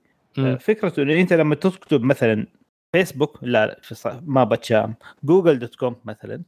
أيوه آه، تيجي آه، يحول لك الاسم هذا إلى IP okay. فلازم انت فأنت الفكرة أنت لما ترسل مثلا تكتب جوجل dot com. هو بيروح لشيء لل DNS يحول الاسم هذا ويدور عليه عنده زي كأنه فهرس مم. بالاسم هذا إيش ال IP حقه دحين؟ ويطلع okay له على طول. عنده عناوين كل سيرفرات لأنه بالنسبة لل آه، بالنسبة لل server أنت بتتعامل معاه ك IP بس ما تقدر تحط والله عشرة dot مدري إيش dot مدري إيه عشان والله تدخل على جوجل. أنت بس تكتب جوجل dot com وخلاص. هو يحول لك إياه يظبط لك إياه. فلازم يكون في شيء اسمه DNS عشان يحول لك الاسم إلى IP زي فكرة انه زي فكرة زمان قبل ما يكون في مثلا جوجل أو أي محرك بحث يعني. آه لا لا. هو م... هو لا ما يبحث. هو بس آه، هو اوتوماتيك الشيء هذا. أيوه اقلب الكلام ل IP بالضبط. ال- كلمة جوجل dot com هذه آه، لما أنت تضغط enter ال- الطلب هذا يروح لل DNS ال DNS يشوف والله جوجل dot com هذا إيش ال IP حقه؟ والله ال IP حقه ال server. لأنه أفتكر إنه في إنه. حكاية ال IP ما هي مرة unique انه في كمية مواقع ممكن تكون بنفس ال IP ممكن. نادر جدا لكن ممكن تكون الشيء هذا. ما عشان كذا مسوين حاجة آه. اسمها ال IP v 6 والاشياء دي IP v 5 IP v 6 إيوه في ال IP v 6 عشان موضوع ال conflicting هذا لأنه أصلا ال IP v 4 قد خلص خلاص انتهى تقريبا يعني ما عاد في. okay. إي لو- لو مثلا ال DNS زعل على موقع حقك وشاله من الليستة ديك الساعة ما حيصير له conversion وما حيبان الموقع حقك. حتى لو واحد كتب مثلا لو آه مثلا آه جوجل dot com ومثلا راعي ال DNS مهم شال جوجل ديك الساعة ما حد حيمدي يخش إذا بيستخدم ال DNS ده. بس لو غير ال DNS ممكن يطلع له. مزبوط بال... كيف عيد ثاني معلش؟ يعني إذا أنت بتستخدم DNS معين والموقع اللي. تبي تروح له آه، اللي تبي تكتب عنوانه في ال DNS ده ما هو موجود. أوكي؟ مشيول. زعلان عليه. فلما أنت بتحاول تروح للموقع ده حيجي يقول لك إنه سيرفيس كانت بي ريتش ولا إنه هذا الموقع غير موجود. بس لو غيرت ال DNS حقك ممكن إنه يكون موجود في DNS ثاني مسجل فحيقدر يروح. مزبوط بالضبط تغير ال DNS حقك. yes إي بالضبط. okay. زي, كأنك أنت لو شبكت عن طريق موبايل يشتغل لو شبكت عن طريق زي ما يشتغل. زي كذا okay okay okay. تقريبا يعني. امم لأنه هو في النهاية اللي بيو... هو اللي بيوصلك على على ال- الموقع. يا يا يا هل هو هو هل هو اللي اختار ال routing حقك ال- الطريق اللي أي أي سيرفرات تعدي منها ولا هذا هذا. له دخل بال ISP حقك اللي هو موفر خدمة زي اس تي سي لا هذه موبايل لها علاقة ب لا غالبا لها طريق واحد. هو يدور عليه يدور عليه بطرقه. غالبا DNS هو اللي بيحول ترى. ال DNS اللي هو اللي يحول okay. ال DNS هو اللي بيحول أيوه غالبا إيه. الشيء ده.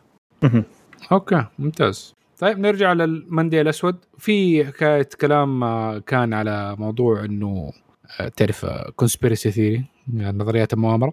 إنه حكايه إنه عشان في كانت قضية مرفوعة في نفس اليوم على فيسبوك أيوه مم. أوه هذه حفلة ثانية في نفس اليوم بالضبط هذا آه، أحد ال- آه، أحد ال- آه، الموظفين في فيسبوك الجدد على فكرة اسمها فرانسيس هوجن هوجن فرانسيس هوجن. مهم.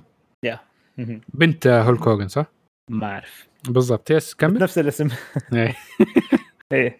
إيه. بس آه، ال- آه، سوت مقابلة حصرية مع مع 60 Minutes كانت بتتكلم عن الموضوع إيش كيف ال... بتتكلم عن المشاكل في اللي اكتشفتها في فيسبوك هي عندها هي باحثة في اسمه في في في ال data في في البيانات. علم البيانات okay. بيانات yeah. فاكتشفت إنه فيسبوك عندها algorithm لوغاريتميه معينة تتحكم بالناس إيش يفكروا تقريبا. ب آه، آه، كيف إنه تنشر حتى تساعد على نشر ال- مثلا الحقد الإشاعات الأشياء السلبية مثلا تحرض على القتل تحرض على كل شيء تحرض على الجرائم أي شيء خطأ كذا تحسه. الأشياء اللي كذا تأجج تأجج البشر بشكل عام تخليهم يتنرفزوا كذا ويعصبوا. فيسبوك غالبا يقول في إحصائية داخلية عندهم يقول إنه تقريبا حوالي 5% من الأشياء من تقريبا عصبية البشر إذا ما إنه الناس اللي بتعصب اللي بتخليهم 5% من الناس اللي بيعصبوا بسبب فيسبوك. آه أو okay. بسبب بسبب إنه فيسبوك أثر عليهم أثر على تفكيرهم. okay.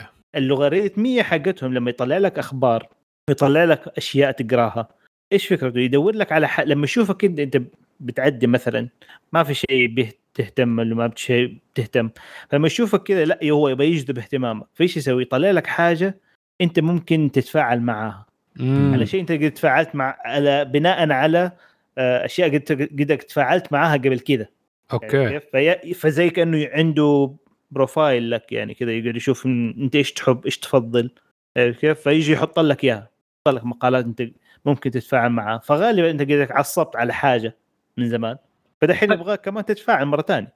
طيب سؤال هي هي أكيد هي, هي الغرض الرئيسي منها يعني لأنه هذا ممكن كل كلهم يسووها. انستغرام انستغرام تبعهم آه جوجل يوتيوب الأشياء دي كل ال- social media يبغوا منك time يبغوا وقتك انصرف عليهم وبيخلوك معلق في ال content حقهم. ف إنه مثلا بجيبها دحين من طريقة إنه ما هي نظرية مؤامرة إنها شيء عادي اللي بيسووه. فهم اللي بيسووه إنه حكاية إنه بيحاولوا يخلوك تقعد أطول فترة موجودة على platform وإنك متحمس صح. معاهم فإذا أنت مثلا شافوا ميولك مثلا آه نقول سيارات فيقعد يدي لك الأشياء عن السيارات الأشياء الجديدة أي حاجة إنه يحاول يخليك مشدود إنك يصير موقعهم هو المصدر الرئيسي ليك إنك تلا آه، يعني تلاقي الأشياء اللي أنت تبغاها نفس الشيء لو كان مثلا أنت بتبحث عن شيء سياسي مثلا شيء آه، آه، اجتماعي مشكلة اجتماعية معينة فيقوم يبدأ يطلع لك يطلع لك كل الأشياء اللي من دا الصنف من دا التوجه ليك عشان يشبع الجوع حقك للشيء ده. طيب. هم عارفين إنه هذا الشيء ممكن يأثر سلبا مرات خاصة لما تبدأ على مشاكل. يعني إنك بتطالع على السيارات حتى برضه ممكن تأثر عليك سلبا. ليش؟ لأن مثلا تكون حالت حالتك المادية ما هي ذاك الشيء. أوكي؟ يعني تكون إنسان عادي وهذا وزي كذا. فإنه حكاية إنه اصقعك كل شوية بلمبرجيني وبوغاتي ممكن تسوي لك شعور داخليا مو كويس. تخليك ديك الساعة تصاب بالإحباط ممكن أو إنه آه، يجي لك شعور منها ما هو ما هو مرغوب. فهم بيعملوا دراسات من ده الشيء من حكاية إنه كيف ممكن نقلل من ال ال الأشياء دي. ممكن ما مو ضروري ان نزودها بس إنه أنت لازم تعرف وتعمل testing فمرات أنت تختبرها على ناس معينين تقدر تنقيهم أو إنه clusters من الناس وشوف ال reaction حقهم وإيش ردة الفعل لأنه في النهاية نقدر نقول ان هم platform. ما ما هم مسؤولين عن صحة الناس directly المستخدمين حقهم لأنه في النهاية هذه الأشياء كلها free وأنتم في ران تجارب. جزء من ال social experiment هي اللي بيدفع الوقت حقك اللي قاعد أنت عليه على الموقع ده الفلاني. نفس الشيء في يوتيوب نفس الشيء في هذا. هل ممكن إنه هذا الشيء يكون إنه مضر لل- للدول؟ لانها تعرف إنه المواطنين حقونا قاعدين في فئران تجارب في social experiment في من الأشياء حقت ال social media؟ yes نعم. هل المفروض إنهم يشوفوا أشياء عشان يقدروا يعملوا لهم قوانين ويحدوهم في طريقة استخدامهم كيف إنهم يقدروا يأثروا على المواطنين حقونهم؟ yes نعم. ف هو الفكرة ترى برضو آه، في شيء برضو مهم. إنه ال algorithm هذا اللي بيطالع بيشوف إيش ال- ال trends ولا هذا بيشوف تاريخك وبيشوف كل شيء. واللي بناء عليه بيطلع لك الأخبار اللي أنت مهتم فيها. يا هذه هم يقدروا يغيروها. yes يقدروا يغيروا parameter عادي. طيب ما هي الفكرة؟ يعني كمثال مثلا في خلينا على على فيسبوك من ضمن أحد الأشياء اللي آه، سربتها قالت إنه أيام مثلا الانتخاب أيام يوم 6 يناير يوم السنة السنة هذه يوم جاء الاجتياح على البيت الأبيض والى آخره كانوا بيرسلوا دعايات كثير الناس جالسين حاطين بوستات كذا تقول حط انه حاطين إنه يبغوا يأججوا إنه زي كانوا دعوة إنه خلينا نتحرك خلينا نتحرك. فيسبوك كان يحطها وينشرها بين كل المستخدمين. كانوا رافعين زي ما تقول لك زي كانت عدات كذا ورافعين مزودين عليه يبغوا كل الناس يروحوا. يروح فين يروحوا؟ تاني؟ على البيت الأبيض يوم صار اجتياح البيت الأبيض. بداية السنة هذه. إيه إيه فهمتك. ال- اللي صاطب يوم ال- الانتخابات الأمريكية يوم جاء فاز بايدن. ذيك الفترة آه، فيسبوك وطط الشيء هذا حقهم اللي اللي يقعد ينشر الإشاعات والأخبار هذه والأشياء اللي تحرض كلها وقفوها. هي شوف في مشكلة إنه أنت مرات ما أنت عارف إنه هل هي كانت مثلا نقول ال ال ال ال cause الأولاني هل هو كان under control يعني بتوجيه معين منهم ولا كان automated لأنه هذه واحدة من المشاكل حقت ال system اللي زي كده. يعني أنا دحين آه قاعد على اليوتيوب okay؟ قاعد اتفرج فيديوهات سيارات فيديوهات سيارات زي, آه زي كذا. بعدين هو ال algorithm مثلا حق يوتيوب هو يطالع مثلا في الناس اللي سووا فيديوهات حقت السيارات هذه وشاف إنه نفس الآدمي ده سوى فيديو مع قناة تانية okay؟ هو tagged فيها. فقال ممكن ماني عجب الفيديو ده. فأنا ضغطت عليه فرحت وشفته. بعدين القناة هذه مختلفة عن القنوات اللي عادة أنا أشوفها. فهو القناة دي مسوية فيديوهات مثلا عن boat بدل السيارات على boat. فبالغلط ما نقيت أنا بالغلط كده جيت يدي فلتت ورحت وضغطت على واحد من فيديوهات ال boat ات. فيجي جوجل دحين ال algorithm لحاله. ما في أحد ما في أحد هو اللي بيطالع معنا إيش بيسوي. هو من لحاله شاف معنا قال أوه معا صار عنده آه توجه إنه بيشوف ال boat ات. آه. فيجيك فجأة في ال recommendation boats boats boats جت تبغى jet ski تبغى تبغى سنارة تبغى تصيد انت تحب البحر انت تحب البحر شوف يحط لك فيديوهات. يا أخي ما أبغى يا أخي بالغلط ضغطت على الفيديو ما أبغى أشوف شيء زي كذا. فمرات إنه شوف انستغرام إنستغرام فيه ميزة يمكن أذكى من ال ال ال اليوتيوب. آه، الانستغرام على حتى في اليوتيوب أحيانا ذكر اضطريت إني أفتح فيديو من قناة أنا ما ما اشتركت فيها. آه، شفت فيديو هذا عن جوال معين. بدا يعطيني فيديو لنفس القناة هذه مراجعة جهاز قبل ست سنوات سبع سنوات. يا ابن حلال خلاص يرحم أمك. أنا خلاص فيديو شفته وقفلت خلاص. الإنستغرام كيف طريقته؟ يعني في أشياء من ضمنها آه عشان كذا يمكن الخبير في الإنستغرام يحاول في وصف ال post نفسه يكتب كلام tag ات بطريقة مرتبة وكثير. لا لا خلى ال tag ات tag ات آه okay. آه. فحتى بعضهم صار ما يحط tag خلاص. فصار يحط تعليق ال post يكتب كلام كثير. ومرتب عشان يشد القارئ إنه يقرأ. فهو لما يقرأ إنستغرام شو يقول؟ يقول هذا ال post عليه اهتمام. في ناس يجلسون وقت أكثر عليه يشوفونه بكثرة. okay. آه في بعضهم يسوون هالشيء ويحطون صور متعددة عشان يخليك أكثر وقت تطول على المنشور هذا أو ال post نفسه. فيبدأ إنستغرام شو يسوي؟ يبدأ ينشر ال post هذا لأن في ناس كثيرين جلسوا يشوفونه فأكيد يهم ناس كثيرين. فموضوع ال tag هذا موضوع خلينا نقول شوي صار قديم. فهذه كذا انستغرام يعني في ذكاء أكثر بكثير آه، من اليوتيوب توجه يعني انستغرام مختلف عن عن يوتيوب لأنه مشكلة انستغرام إنها أغلبها صور فالناس عادة ممكن تعدي عليها بسرعة. فإنه حكايه ال interest بالنسبة لهم الواحد يطول على على ال على ال post الواحد okay ويسوي conversation إنه هذا بالنسبة لهم هذا المقياس حقهم على جودة ال post م. بالنسبة لليوتيوب هم ما عندهم مشكلة أنت قديش تقعد على هذا. يعني okay في في في time okay معين يحتاج يكون الفيديو عشان يكون آه مناسب اللي هو أكثر من خمس دقائق كان آخر شيء أفتكر. أو بين خ... ثلاث دقائق خمس دقائق وأكثر لأنه بدأ ال long form دحين يزيد في اليوتيوب من ناحية popularity آه، آه، بس إنه إيش لما تغير فيديوهات في اليوتيوب بالعكس هذا هو المطلوب. يوتيوب يبغاك إنه ال recommendation حقته تكون ممتازة إنه يقدر يخليك يشدك ياخذ ياخذ وقتك كله بدل ما إنك تقعد تقول اوه الساعة 11 الليل دحين آه أقعد خمس دقائق كذا أشوف الفيديو فجأة تلاقي الساعة واحدة oh my God إيش صار؟ هذا يوتيوب. يبغاك إنك تقعد تروح من فيديو لفيديو لفيديو لفيديو لفيديو ثاني لأنه هذه الطريقة اللي يعمل فيها monetization ويقدر يطلع منها فلوس. متأكد على كلامك انستغرام نفس الشيء ترى. انستغرام مو مرة. يبغاك تعدي على ال على ال ال ال gap اللي يحط لك هو اللي هو دعاية. لأنه الصورة نفسها ما عليها دعايه لا هو نفس اليوتيوب كلامك صحيح مع هو الآن آه، لاحظتها في قنوات اليوتيوب الفترة الأخيرة آه، ما يدعم قنوات أو ما ينشر فيديوهات للقنوات اللي تنشر آه، بشكل أسبوعي أو بشكل شهري. يحاول يدعم قنوات القنوات اللي تنشر بشكل يومي. صحيح.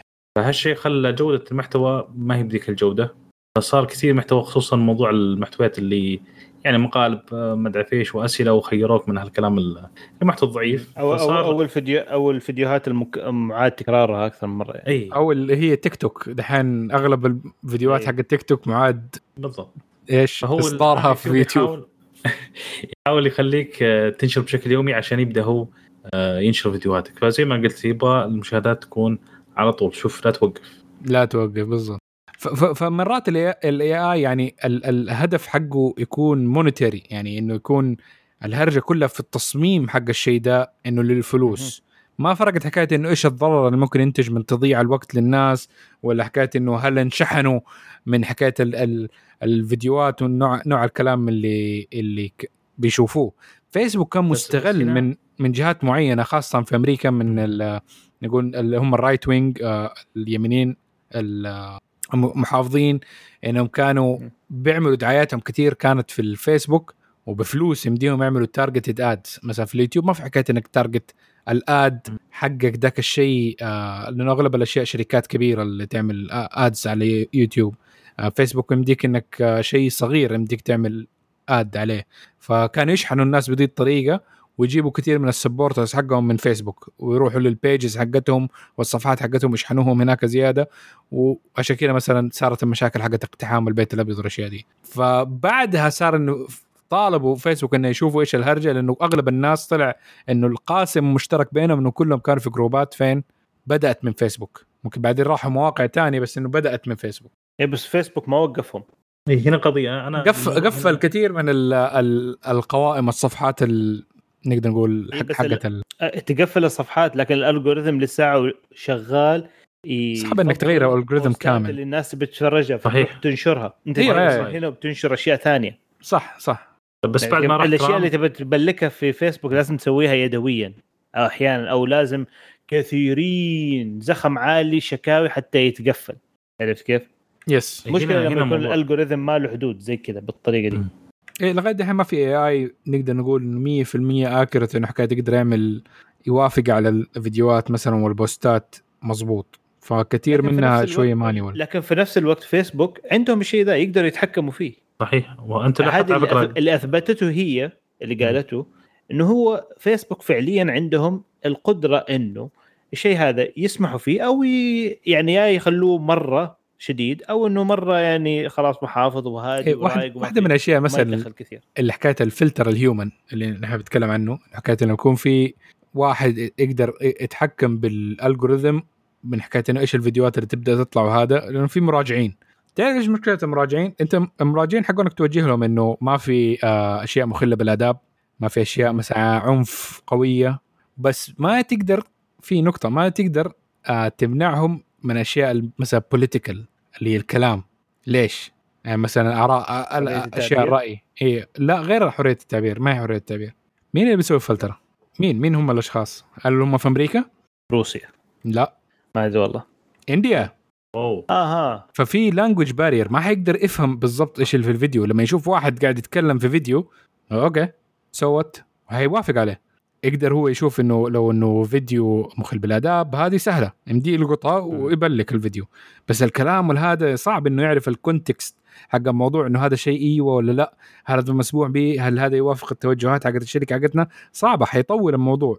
فاتس أو فيري هارد للكنترول لها مفهوم. يمكن اللغة عادية كلغة ككلام بس يفهم بطريقة آخرى. يعني يبغى احد نفس المكان عشان يفهم ال- يا يبغى له AI. يشوف يقلب ال ال الكلام ل text ويقارن ال text إنه هل هذا الشيء نحن حنخليه. يمشي ولا لا هذا الشيء يصير في يوتيوب مثلا حكيت لما. تقول كلمات معينة زي فاكر فاكرين كان أحد يقول الفيروس. المستجد لو قلنا اسمه دحين مثلا في يوتيوب. آه حي ممكن يحط لك إنه لا هذا فيديو ما يصير له monetization فيعاقبك لا لا مو يحط لك ما يقفل عليك monetization يحط لك دعاية ال- شو اسمه آه، منظمة عالمية منظمة الصحه العالمية يحط لك مثلاً. فيها دعاية تحت آه، مثلا إيه أول إيه. كان بس في بدايته كان يوقف ال monetization لأنه ما كانوا يعرفوا إنه أنت okay أنت تتكلم عن الشيء ده عن الفيروس ده بس إيش بتقول؟ إيش بتقول؟ ما ندري فما أقدر أدعمك هي، لأنه مو عارف إنه هل أنت من المت... آه، حقون اللي يشككوا في ال... في ال... إنه موجود ولا مو موجود ولا إنه ال- ال- التطعيم آه، كويس ولا مو كويس ما نقدر نعرف فكان الحل الأول. بالنسبة له آه لا تحط عليه إعلانات معتمدة عشان لا يجونا الشركات بعدين يقولون كيف تحطين إعلان على الشيء الفلاني. خوفا بس حكايه إنه من الفلوس إنها تنقطع في في complication كبير من ده الموضوع إنه فين مسؤولية ال ال ال الشركات دي زي فيسبوك يوتيوب وإنستغرام في المواضيع دي. وقديش أصلا أنت متوقع منهم كحكومات؟ مثلا يكون عندهم مسؤولية. لأنه في برضو gaps من التكنولوجيا لسه ما هي موجودة. إنها تكون perfect والله في حاجة في يعني أحد الأشياء اللي ممكن تخفف على الأقل من الشيء ده. إنه لو يكون للمستخدم إنه يقدر يمسح ال history حقه. لما تمسح ال history حقك ال algorithm يعني الأشياء اللي أنت قد شفتها والأشياء دي يمسحها. الأش- اشياء ال- ال- يعني خلينا نقول تبدأ بإنسان جديد يعني على النت. بالضبط. خلاص إنه أنا أدخل مثلا في الإعدادات والله في زر طق أمسح كل شيء فات. عرفت كيف؟ خلاص أنا واحد جديد. بالضبط. فكذا ما يقعد يطلع لي كل شيء سواء أنا كنت معصب أول كنت مدري إيش دورت على أشياء. بس في في ناس كانت. ما هذه لأنه هذه ح- ما لها reset تقعد على طول شغالة وراك. يعني أحد الأشياء اللي من أول قالوها. يعني. أيوه. بالضبط. أحد الأشياء اللي قالوها اللي قالتها شو اسمه اسمها دي فرانسيس. إنها قالت. إن إنه في الأطفال ال ال في دراسة عند فيسبوك. أنا اتكلم على دراسات ترى عند فيسبوك. ما هي دراسات خارجية. ففي دراسة عند فيسبوك إنه الأطفال آه، بيتأثروا آه، في ال- بالبوستات اللي بتجي لهم لدرجة إنهم بيكتبوا في فيسبوك إنه يبغوا ينتحروا. لا حول. يس. فوصلت لغاية الدرجة هذه. طبعا أح- في أثناء المناقشة في الكونغرس آه، سألوها قالوا لها طب هل حصل هل في مثلا حصل حادثة انتحار بسبب فيسبوك بسبب الشيء هذا؟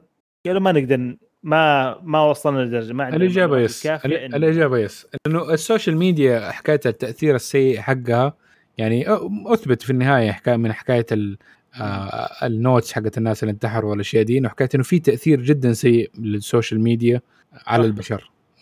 م- ما تأقلمنا عقلنا لساته ما تأقلم على حكاية إنه الناس تكون connected بهذه الطريقة حتى الآن. لأنه عادة إن إحنا نحتاج فترة طويلة جدا آه، كبشر إن قبل ما نتأقلم على عادات أو شيء جديد. فبدأوا يلاحظوا إنه في أشياء social آه، اجتماعية كثير بدأت تتغير. في الشعوب وهذا وبدأت إنها تصير واحدة يعني في كثير من الشعوب إنه بيصير لها simultaneously نفس التغيير لأنه ال social media موجودة والنت مربوط بكل العالم. فتلاقي ترندات أشياء تصير. هنا كوريا الصين أمريكا كلها مع بعض. على عكس إنه مثلا كمان الناس دي كان عندها ثقافات مختلفة عادات وتقاليد مختلفة وتبدأ دي الأشياء تلعب في دماغهم وتسوي مشاكل.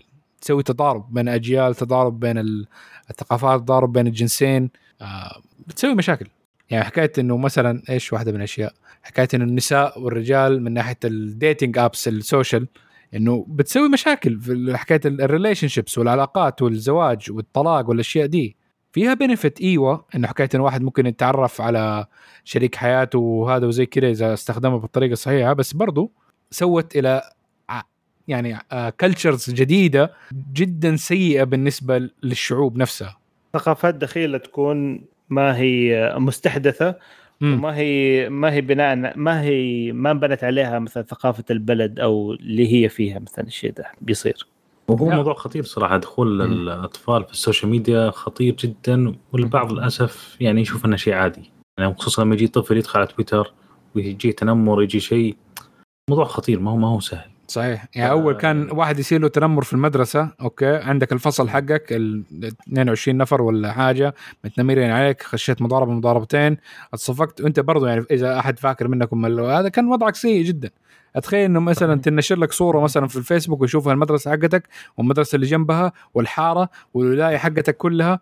إيش شعورك وقتها؟ طول مو مرة واحدة تجلس اي وما. تنمسح تطور أيوه لأنه دحين مثلا أنت تفتكر أيام المدرسة تفتكر إنه إيش الأشياء؟ أكيد أنت في دماغك أشياء معينة صارت لك في المدرسة وتقول يا الله الناس آه، لساتهم فاكرينه ولا؟ بس ثلاث أرباع محت...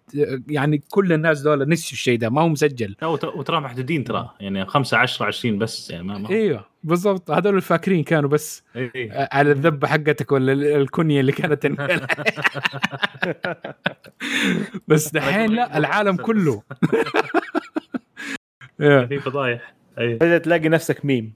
يا بالضبط تلاقي نفسك ميم وتنشر وهذا وتصير لك مشاكل نفسية يكون وقتها جدا جدا سيء. هذه مشكلة الالجوريثم على فكرة ترى ترى فيسبوك كانت راح تسوي انستغرام كان في خطة تسوي انستغرام بس الاطفال لكن cancel وه أكيد كان سوء. طبعا سيء جدا يعني كيف تحد أصلا هي موضوع حكاية إيه. انه كيف تحد الموضوع ده؟ كيف تخلي إنه تعرف إنه هذول أطفال ولا ما هم أطفال اللي بيسجلوا؟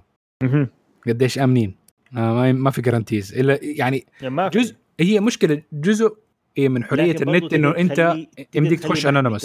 إلا بس دقيقة جزء جزء من حكاية الحرية حقت النت إنك تقدر تخش أي مكان anonymous بدون ما تكون انت أنت اللي في ال- بتاع الراعي ال account ولا whatever واحدة من الحلول المقترحه بس إنه معترض عليه مثلا في أمريكا وأماكن معينة خاصة الناس اللي حريات وما حريات والاشياء دي إنه.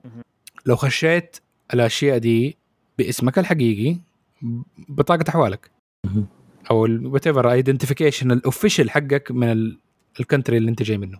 قديش يعني تتوقع بدون- حيكون بدون تفترق؟ بدون قناع يعني داخل إيه بدون قناع. إيه لا تخش رسمي. إنه ال social media تخشها رسمي. تخيل تدخل فيسبوك بالنفاذ الوطني. أيوه.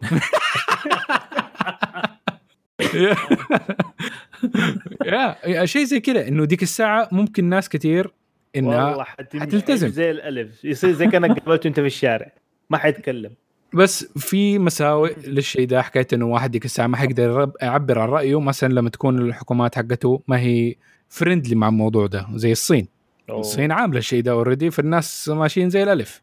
يدوروا طرق عشان آه مثلا يتكلموا سياسيين ولا شيء زي كذا زي حكاية Winnie the Pooh والميمات حقتهم إنها ك- لما يتكلموا عن آه شي جين بينج. حقهم.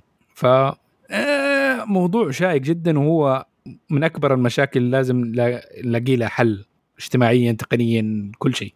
بس لازم يكون فيها شيء تقنيين صراحة. فيها فيها كمان شوف صعب تشتغل شركة زي كذا كمان في الالجوريثم زي بالقوة هذه لحالها. لازم يكون في ضابط أو شيء مشرف عليها من حكومة أو من جهة مستقلة أو أي شيء إيه بس مين أي حكومة؟ ممكن مين مين أي حكومة؟ لا مو ضروري من أي حكومة من جهة مستقل من جهة على الأقل عندها يو إن يعني؟ مع أي جهة ممكن تقول تقدر تقول عندها تهتم للأخلاقيات وحقوق الإنسان والأشياء هذه. لأنه إيش المشكلة؟ اللي ب... كشركة زي فيسبوك بالنسبة لها أي شيء تسوي ضجة إعلامية تسوي رجة تسوي أكت... حركة كذا هذا بالنسبة لها فلوس. بالضبط. فما راح يوقفوا والله الالجوريثم والله عشان والله أنا ما أبغى أسوي الرجة ما أبغى أسوي هذا وأنا حخسر فلوس. لا حبيبي خلي أنا بكسب فلوس. طيب اللي- ليش التزم مع ال- ال- ال- المنظمة العالمية دي إذا هذا الشيء ممكن يأثر على لقمة عيشه؟ لا مو هذه الفكرة في طرق ثانية يقدر يقنن. مو ضر هو في النهاية شغال هو بيربح ترى شغال بيربح على طول.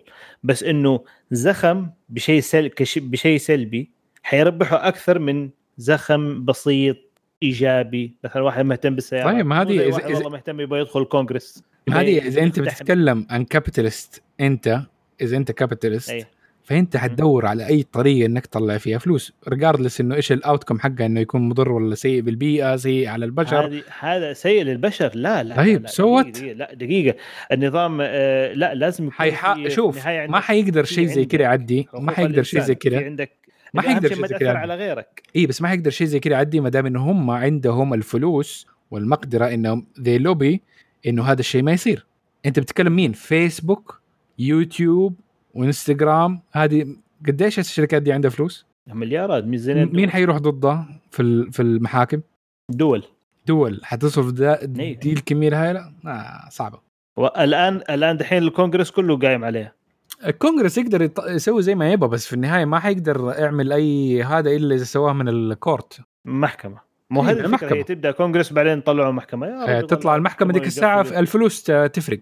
حتشوف. أنا بصراحة نفسي لو توصل لمحكمة. إلى الآن ما شفت آه، أنا ما حيقدر يخلوها توصل لمحكمة لأنه تعرف مين ال- البوليتيشنز اللي حاطينهم في الكونغرس؟ مين مدخلهم الكونغرس؟ شركات. بالضبط بالضبط. فما حنستفيد شيء. يعني بس على الأقل شوف هو شوف الح ال الخبر زي كذا. مشاكل زي كذا تخلي الناس على الأقل aware يعني إن شاء الله نقول إنه توعى. yes إنه والله كذا كذا كذا بيصير. هذا أهم شيء. واحد اجتماعيا لازم واحد ينتبه يعني بس إحنا دورنا ننتبه. تقنيا يعني ما بدينا شيء بس اجتماعيا لازم واحد يعني ما يخلي الدعوه سايبة كذا. أي واحد. يفتح social media ويشتغل لا. بالضبط. مزبوط. شوية تقنين بحيث إنه بس على الأقل ما يأثر على ما, ما نأثر على بعض يعني عارف كيف؟ واحد طفشان يروح يخبص على الكل زي كذا. طيب آه في برضو حاجة س- آه تانية صارت آه في يوم الاثنين الاسود آه يا يوسف؟ والله ذا اليوم أسود. مطود والله. يوم أسود أسود. وش اللي صار بعد؟ في شيء صاير بعد غير فيسبوك؟ على ويندوز؟ آه، تر- ويندوز أو في ترامب بعد أتوقع. إيه ترامب ترامب ترامب كان زعلان. على تويتر. آه okay. مرة ثانية عشان يبغى يبغى يبغى حسابه يرجع. زعلان. آه في ما راجع. هو شوف. على فيسبوك. هي هي مشكلة إنه اللي القضية رفعها على على موضوع آم، إنه في قانون في فلوريدا بس فلوريدا وحدها ما ما ما هو قانون فيدرالي على أساس إنه الشركات حقت ال social media إنها ما يمديها تقفل على politician لأنها politician. ديك الساعة لو قفلت عليه حيصير إنه حرية ال speech حقته والكلام ده. بس انه هذا الشيء بس في فلوريدا وما عاد آه، آه، فدراليا فما يقدر يكون enforced فيقدر يرفع قضية زي ما يبغى. في النهاية هم هم قاعدين شغالين عليه إنه أصلا حيشيلوا ال title منه. آه يعني ما بقول سياسيين لا. بس إنه إنه حي إنه آه، حيعملوا له drop على مو... إنه يكون رئيس؟ مو إنه يكون رئيس إنه آه المشاكل اللي عنده القضايا مرفوعة عليه إنه لو عدت ديك الساعة حتروح منه حقوق إنه هو president أو إنه يقدر يرشح نفسه ثاني لأنه هو آه، في في مزايا معينة لل للرئيس. الرئيس السابق إنه تجيله أيوه. آه معلومات معينة سرية وشيء زي كذا فبيحاولوا إنه بالقضايا المرفوعه عليه دحين إنه يقفلوا عليه الشيء ده وإنه يخلوه ما يقدر يترشح ثاني عشان مشاكل والله- الفلوس والأشياء حقته وال... أشياء كثيرة ما عنده لسته آه غسيل كبيرة. والله السؤال اللي دحين خطر في بالي. الحين تويتر قفل عليه. أول ما شال الرئاسه على طول آه اي ما يقدر يقفل عليه هو. رئيس. إيه بالضبط. لا ما يقدر يقفل عليه هو رئيسي فقاموا قفلوا عليه أول ما راح. yes. بس بتأكد الحين مين؟ فيسبوك. هل هو عنده صفحة في اي والله عنده صفحة في فيسبوك. okay. حقته هو ولا أحد مسوي له اياه؟ لا لا حقته هو. آه، أوكي. بس في في social media أتوقع سواها هو اسمه با- Parler أو شيء زي كذا أتوقع. وقفوها. بعدين. ما أدري لسه هربوها أتوقع. إيه، في في امازون دي كن قلنا خبر دا دا ديك المرة إنه امازون كان الموقع hosted على امازون وأمازون سحبوا منهم إيه، ال host صحيح. أو امازون اي دبليو اس يس يحطها في فيسبوك ما مشكلة. أنا شايفهم ما شاء الله داعمين للآخر يعني. آه، زك بي-. بيحاول يزعزع. يبي يصير رئيس شكله. الروبوت هذا. والله هو. ناوي. هو قال. هي عندنا ال- شوي نطلع من الموضوع. خبر إيه كذا بالضبط سريع خلاص إيه. بسيط. جدا. نطلع من اليوم الأسود ولا ويندوز 11 نزل في تاريخ آه، 5 أكتوبر اللي هو أمس. وهو. اللي حاب ينزله الله يسهل عليه. بس أهم شيء جهازك يدعم ال- الويندوز توكل على الله. ويندوز يدعم ال TPM 2.0 آه، إيش كمان كان؟ TP أهم شيء ال TPM 2.0 على فكرة أنا أنا تابعت بعض الاشخاص. بعض الأشخاص اللي آه، جربوه مم. في بعضهم يعاني شوي من بطء. yes مزبوط اي في شوي بطء ف يعني الافضل واحد شوي ينتظر. يعني yes لا ي- ينزل على طول خ- خاصة خاصة لو واحد gaming أو بيسوي شغل لأنه في features معينة من ناحية الأمان وما الأمان تأخذ أجزاء من ال- ال RAM وعشان تخليه secure ما. secure ف آه، لعبة من الألعاب المشهورة آه، بتنزل الأداء حقها 25% تقريبا عشان في المزايا هذه طبعا أنا بس الحين ال gaming ليش. يحدث أصلا؟ يفرق معي لو حدثت ال gaming؟ آه لا ل- لسه لأنه ما في ألعاب كثيرة تدعم المزايا حقت إيه،. ويندوز فيقدر يستنى كمان ما سنة. أظن ولا سنتين أحسن أنا تقول سنتين ما- ما أحسن بعد انتروشن ما في شيء راح يكون إضافة عليه ليش يعني. مستعجلين ها؟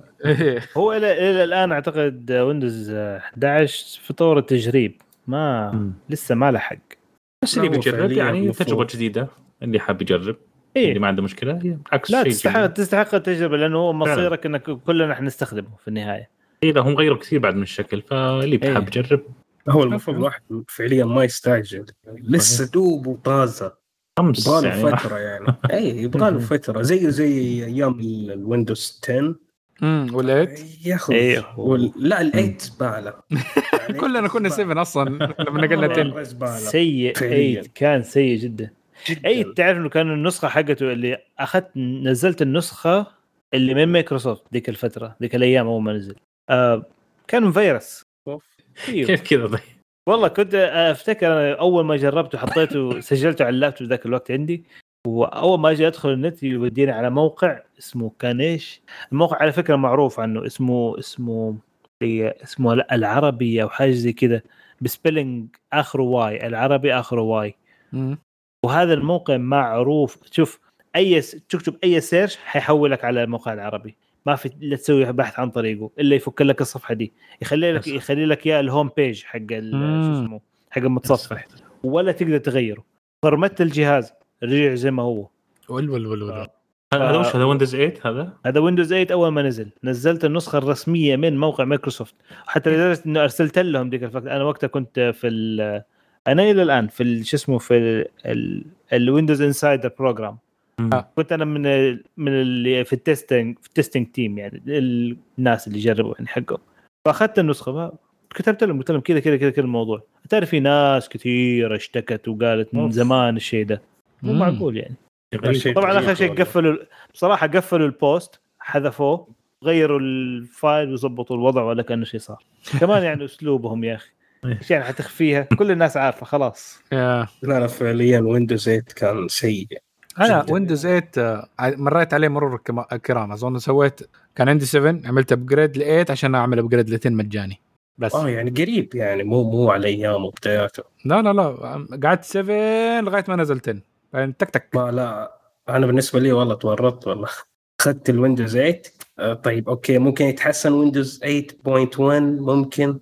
في النهاية كان سيء جدا. بس حلو إنه أكثر 250 أو آه طبعا هو أنا اشتريت الويندوز 8 Pro اشتريته ب 250 درهم شيء زي كذا.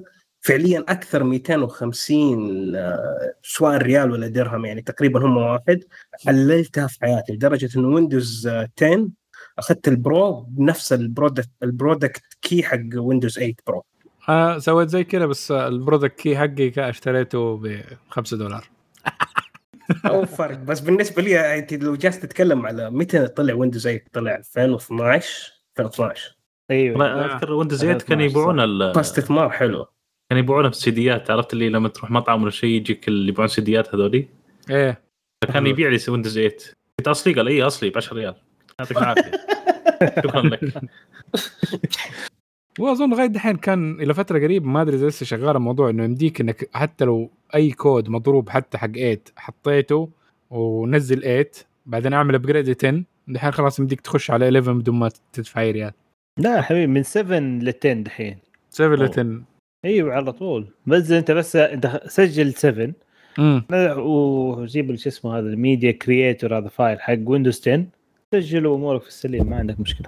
nice. مجانا. في حلول أحد متحمس إنه يحدث ال Windows 11 هو تو يعني- طالع من الفرن ممكن يحرق يدي. يا استنى يا سلام. brother. يا سلام. nice. كيف بس؟ يعني مستمعينا ممكن يستنوا شوية. شوفوا. المشاكل الممكنه إيه. إذا كان عندك لابتوب مثلا جديد طازة لنج ممكن. جرب عليه وشوف. إيه بس آه إذا عندك system already عليه شغل حقيقي وزي كذا ما تبغى يتأثر استنى شويتين. إيش فيها؟ صبر. طيب يوسف عندك خبر عن فيسبوك لا حول. نرجع تاني؟ للفيسبوك يلا نرجع. ها. طبعا هذا قبل ال- الاثنين الأسود قبل بأسبوع تقريبا في أحد منتديات الخاصه بالهاكر وهذه معروضة بيانات مليار و500 مليون مستخدم لمنصة فيسبوك للبيع. يعني بيشتري حيا الله. طبعا البيانات تشمل الاسم العنوان بريد الكتروني الجنس اليوزر بس بدون باسورد. طبعا فكل جزاهم الله خير. إيه لا وفوق مو كذا بعد. ستروا علينا شوية. الد- الدومين حق الفيسبوك معروض للبيع. أه؟ يعني فما أدري إيش اللي لا صار لا لا صراحة. فعليا فيسبوك والله طبعا هذا عندها- قبل قبل إيه. الاثنين أسود بأسبوع هالكلام مو مع ال... لا قبلها بأسبوع معروضه للبيع أنا ما أدري هل هو صحيح ولا بس ما يعني الله يستر بس هاكر الصيني ما أذكر التفاصيل بس معروضة في منتدى حق الهاكر البيع اللي بيشتري أبد اياه مليار و500 مليون مستخدم عندنا بياناتهم إيش اللي تبي؟ الغريب انه في ناس يقول سووا تجارب استفسروا وعطوا بعض البيانات وأعطاهم معلومات كاملة أوه. آه الله يستر. واحد يفتح له موقع ويقعد يقول له مين يبغى؟ معلومات السوشيال عن ميديا مين نفسها مع نفسك يعني. مع نفسك. آه هو ترى واحدة من الأشياء اللي نقطع على ال domain حقهم. والله يبغى نشتري ال domain حقهم والله صراحة. ننقذ العالم. ترى واحدة من الأشياء اللي استخدموها مرات ال- حقون ال social media إنهم اشتروا يوزرات من social media تاني آه عشان يعبوا بيانات في الموقع الجديد حقهم. فأنت م- مرات ممكن تلاقي أنت نفسك ما محمد الغامدي مثلا موجود في Tinder. يعني انت ما عمرك سجلت في Tinder ولا أي يعني موقع آه، تواصل اجتماعي تاني. بس عشان وقت ما في البداية لما يعملوا launch لل application كم حيكون عدد المسجلين فيه؟ zero. صح. فلازم يعبوا شوية كذا عشان يبان إنه في حياة في شيء. فياخذوا اشتروها من مواقع تانية ويعبوا. يلا. بعدين يشيلوك. إذا يشيلوني كثر خيرهم ما قصروا. بعد إيش؟ بعد إيش؟ فضحوك إنك إيش تسوي هناك يا قليل الحيا جيبوا لك ازمه طيب يا سيف عندك خبر؟ إيه بعيدا عن ال... الاثنين الأسود. أوكي وشكله حيصير ترند الاثنين الأسود. آه المهم فعندنا آه، هنا خبر لسكايب. طبعا سكايب آه عادوا تصميم تصميم البرنامج خلوه خفيف.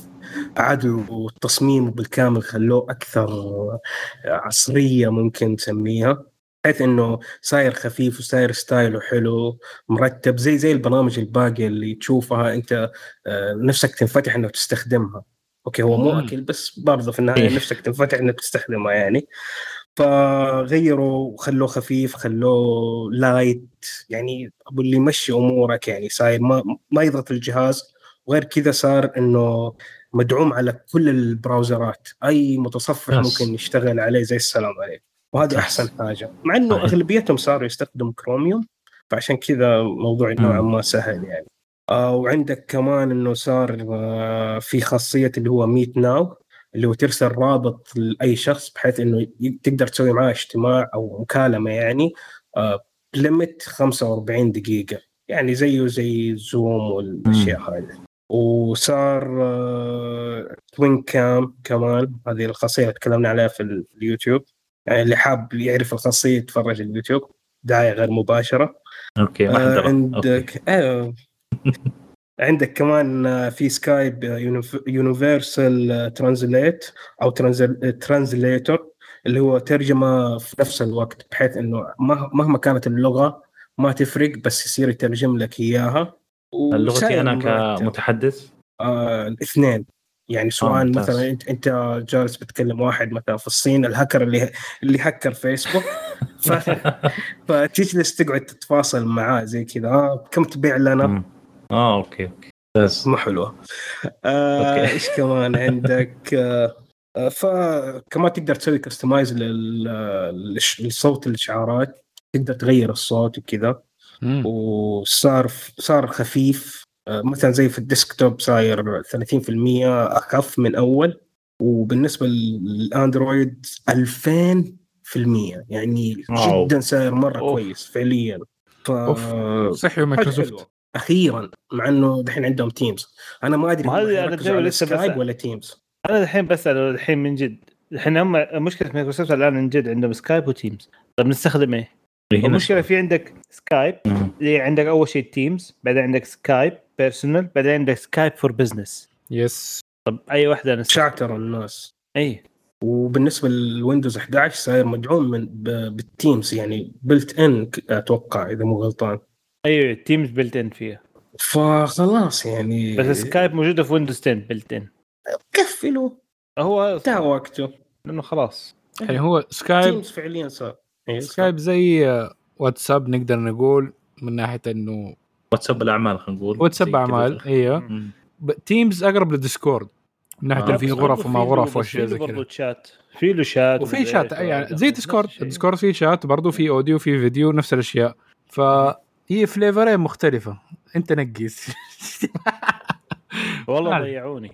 يعني Teams شوف ينفع لل collaboration يعني مثلا إذا أنت مع team انت مع اشخاص ثانيين Teams جدا ممتاز بالنسبة للشيء ده.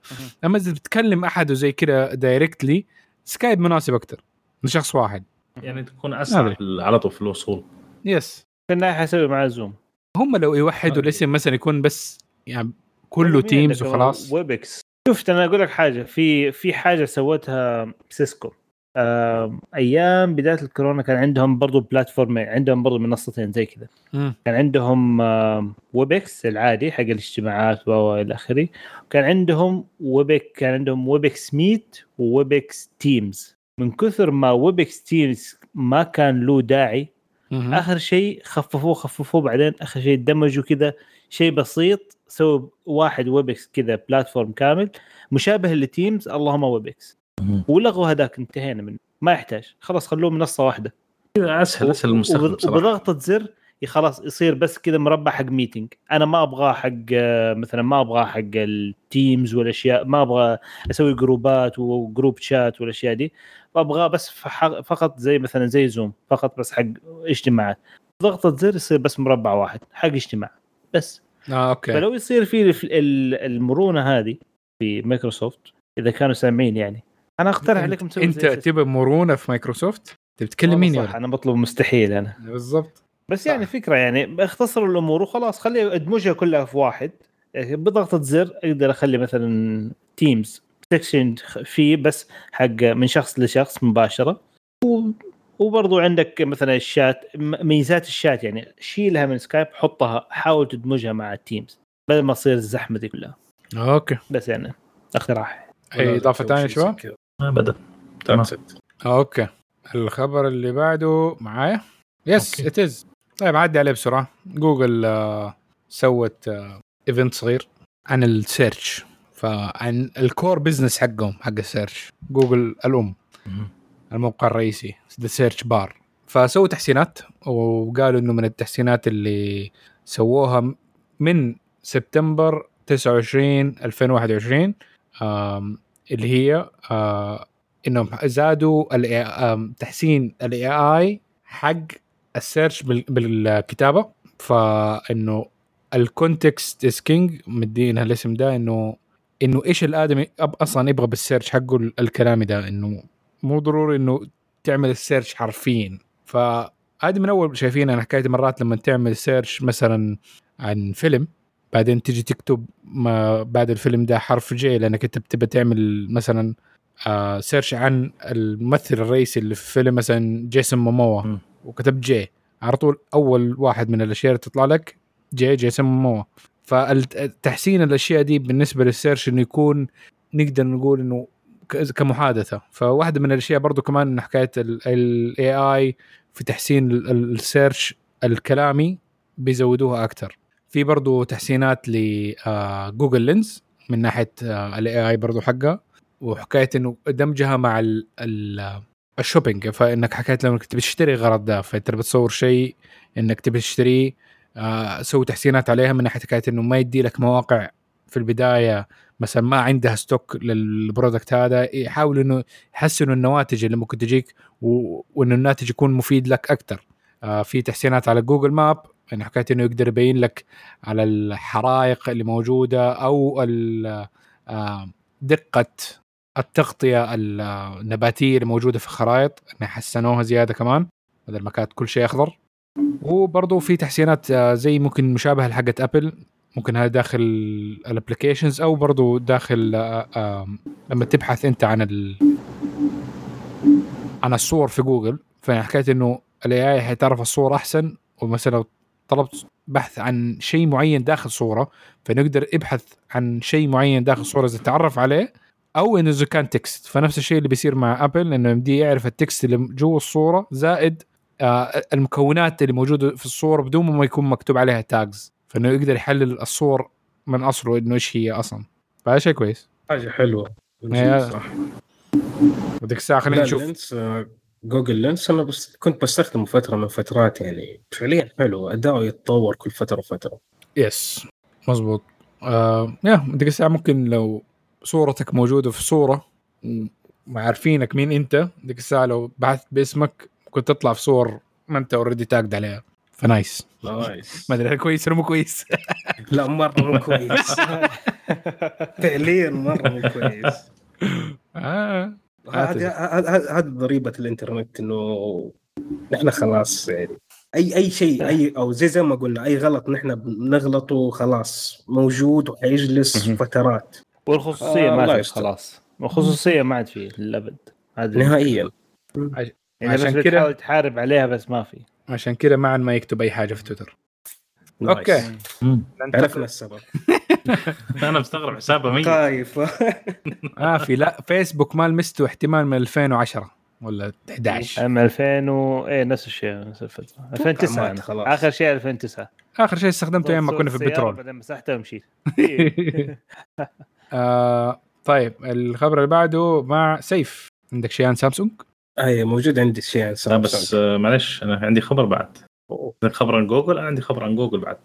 آسف آسف, هي آسف. خبر لا لا خبر بسيط جدا تكملة للخبر خلاص تمام. إيه هو عندنا الجوجل راح تفعل ميزة تحقق بخطوتين راح تكون افتراضية على 150 مليون حساب إلى قبل نهاية هالسنة. آه، فاللي فعلها ما عنده خلاف. أما اللي ما فعلها راح تخلي بيخلونها ميزة افتراضية على كل الحسابات اللي ما سبق تفعيلها اللي هم عددهم 150 مليون حساب إلى نهاية ال- العام. فيعني الافضل إنكم تفعلون الميزه هذه وهذه خطوة ممتازة. لحماية الحسابات من اختراق وغيره أو اللي يحطون كلمات مرور بسيطة مثلا أو شيء فهذه زيادة أمان. ولازم تتفاعل يعني فعليا آه يعني ال- الناس خلاص صارت آه تنسى أحيانا الأرقام السرية وزي كذا. يعني. أنا أنا من الناس اللي بكتبها أصلا في الملا- في الملاحظات يعني. لك أن تتخيل إنه أكتب أرقام سريه في الملاحظات ففعليا خطوة حلوة. إنه لازم هاي افتراضيه ما- بتصير مو خلاص هذه هذه غصبا. عليك. مم. آه زي كذا أفتكر مرة من المرات آه، وصلتني رسالة على الإيميل إنه في آه في أحد دخل على الإيميل حقي من روسيا. GG يا وحش. روسيا بعدين؟ خلاص. انتهينا. أنا دخل على إيميل واحد من الهند. يا ساتر. مرتين. أوف. بس ما صار طبعا يعني. المرة الأولى غيرت ال password صح؟ طلع كان تتخيل إنه دخل عليه مرتين يعني. يعني. أنا إيميلي اللي استخدمه بشكل آه، دائما صار في محاولات آه، لين غيرت ال password وارتحت. بس في إيميل عندي Gmail ما هو ايميل مهم هذا حاطه بس كذا يعني ما من أي فائده آه، اكتشفت قلت خلني بجرب أدخل على الإيميل وأدخل على Google Drive. أنا خبر Google Drive عندي فاضي. فاجأ انه فيه شكل في صور مليانه صور. صور واحد مصور فوتوغرافي زواج حق مناسبات مؤتمرات. يا ساتر وش الصور دي؟ وادخل الا والله رافعها قبل أسبوع في شيء رافعها قبل سنة في شيء قبل خمس سنين رافعها. يا ساتر. هذا مرة فعليا ماخذ الإيميل حقك خلاص مستخدم آه، شخصيا. طبعا أنا ما فعلت هذا الإيميل هذا كان إيميل ثانوي ما منها أي قيمة ولا في أي شيء. ما أدري إيش سويته بس دخلت قلت بفعل لأن في ملف كنت برفعه على نفس هذا وأخذ من الرابط. اتفاجئ أن الرجال آه، داخل بالإيميل ماخذ راحته الرجال نفس بس ال Google Drive مليان صور تغطيات المؤتمرات اللي شغال عليها وكلها بدقة كاميرا ساحبها على طول. مجلد المؤتمر فلان مجلد مدري إيش وزواج فلان. أوف. يا ساتر الرجال مره أنا معامله أول- أول على ايميله فعليا. في في صور رفعها قبل خمس أيام وقتها. خمس أيام وفي قبل سنة. قلت أحسن حل. والله نكبت الرجال غيرت ال password حذفت الصور. فبس فالموضوع شوي يعني مهم موضوع آه، بخطوتين هذه عشان آه، زيادة أمان لا أكثر. هو خطوتين لازم تتفاعل على كل شيء في الحياة. صحيح. كل شيء. وصراحة لأنه لأنه أحد الأشياء اللي اللي يعني مثلا كشخص يستخدم ال password حقه في كل منصه في كل شيء يعني. آه، المشكلة لما يجي موقع ويطلب منك أقوى password في الدنيا. في النهاية المشكلة ترى ما تكون مني إنه أنا password حقي ضعيف. لا المشكلة منه هو اللي موقعه يتهكر وتتسحب منه المعلومات.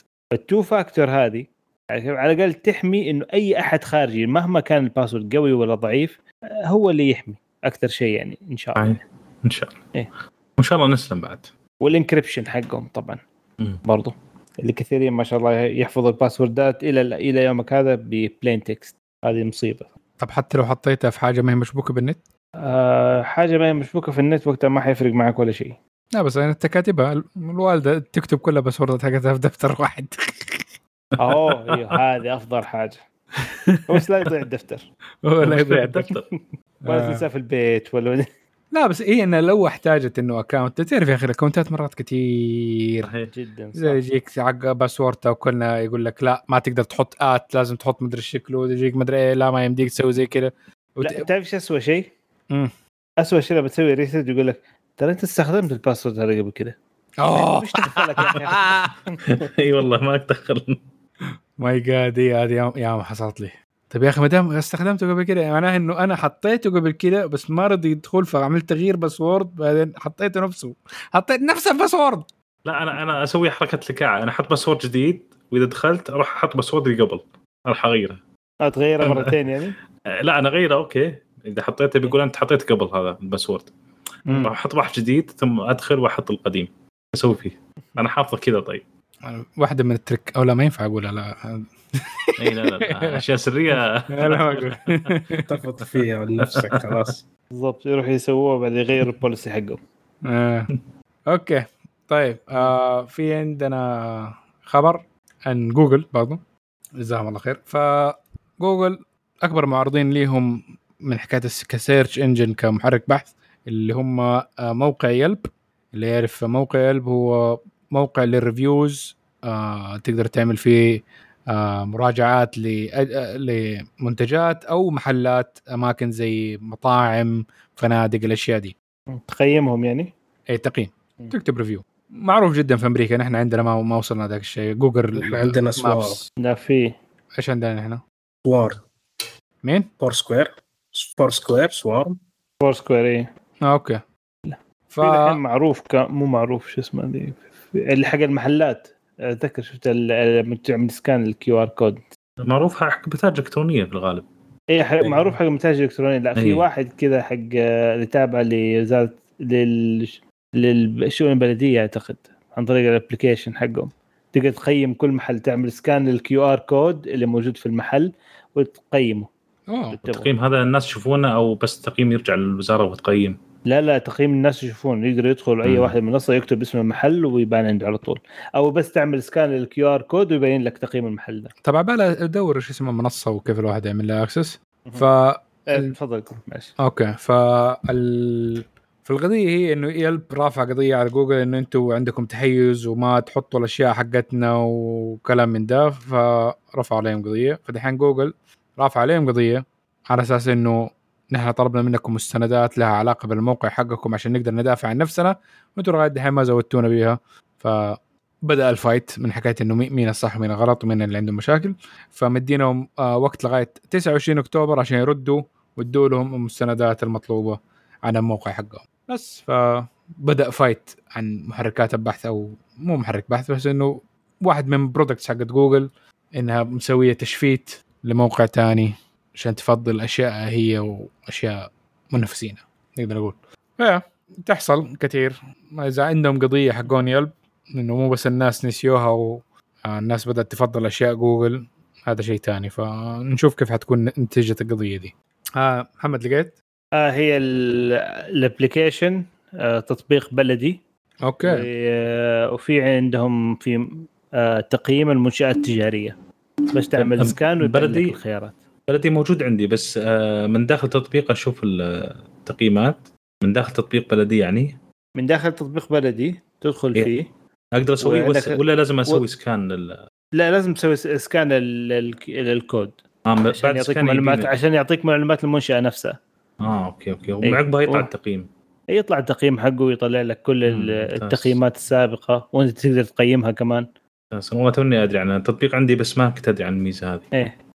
بس ما شيء بس ما هي حلو يعني. searchable من برا. يعني ما يمديني لو كتبت لا، اسم لا. المحل في جوجل إنه حيطلع لي واحدة من ال... لا لأن هنا شوف في خيار أنا ضغطت عليه الحين آه، من ضمن الخدمات في التطبيق يقول لك تقييم المنشآت التجارية. تضغط عليه يشغل لك الكاميرا على طول.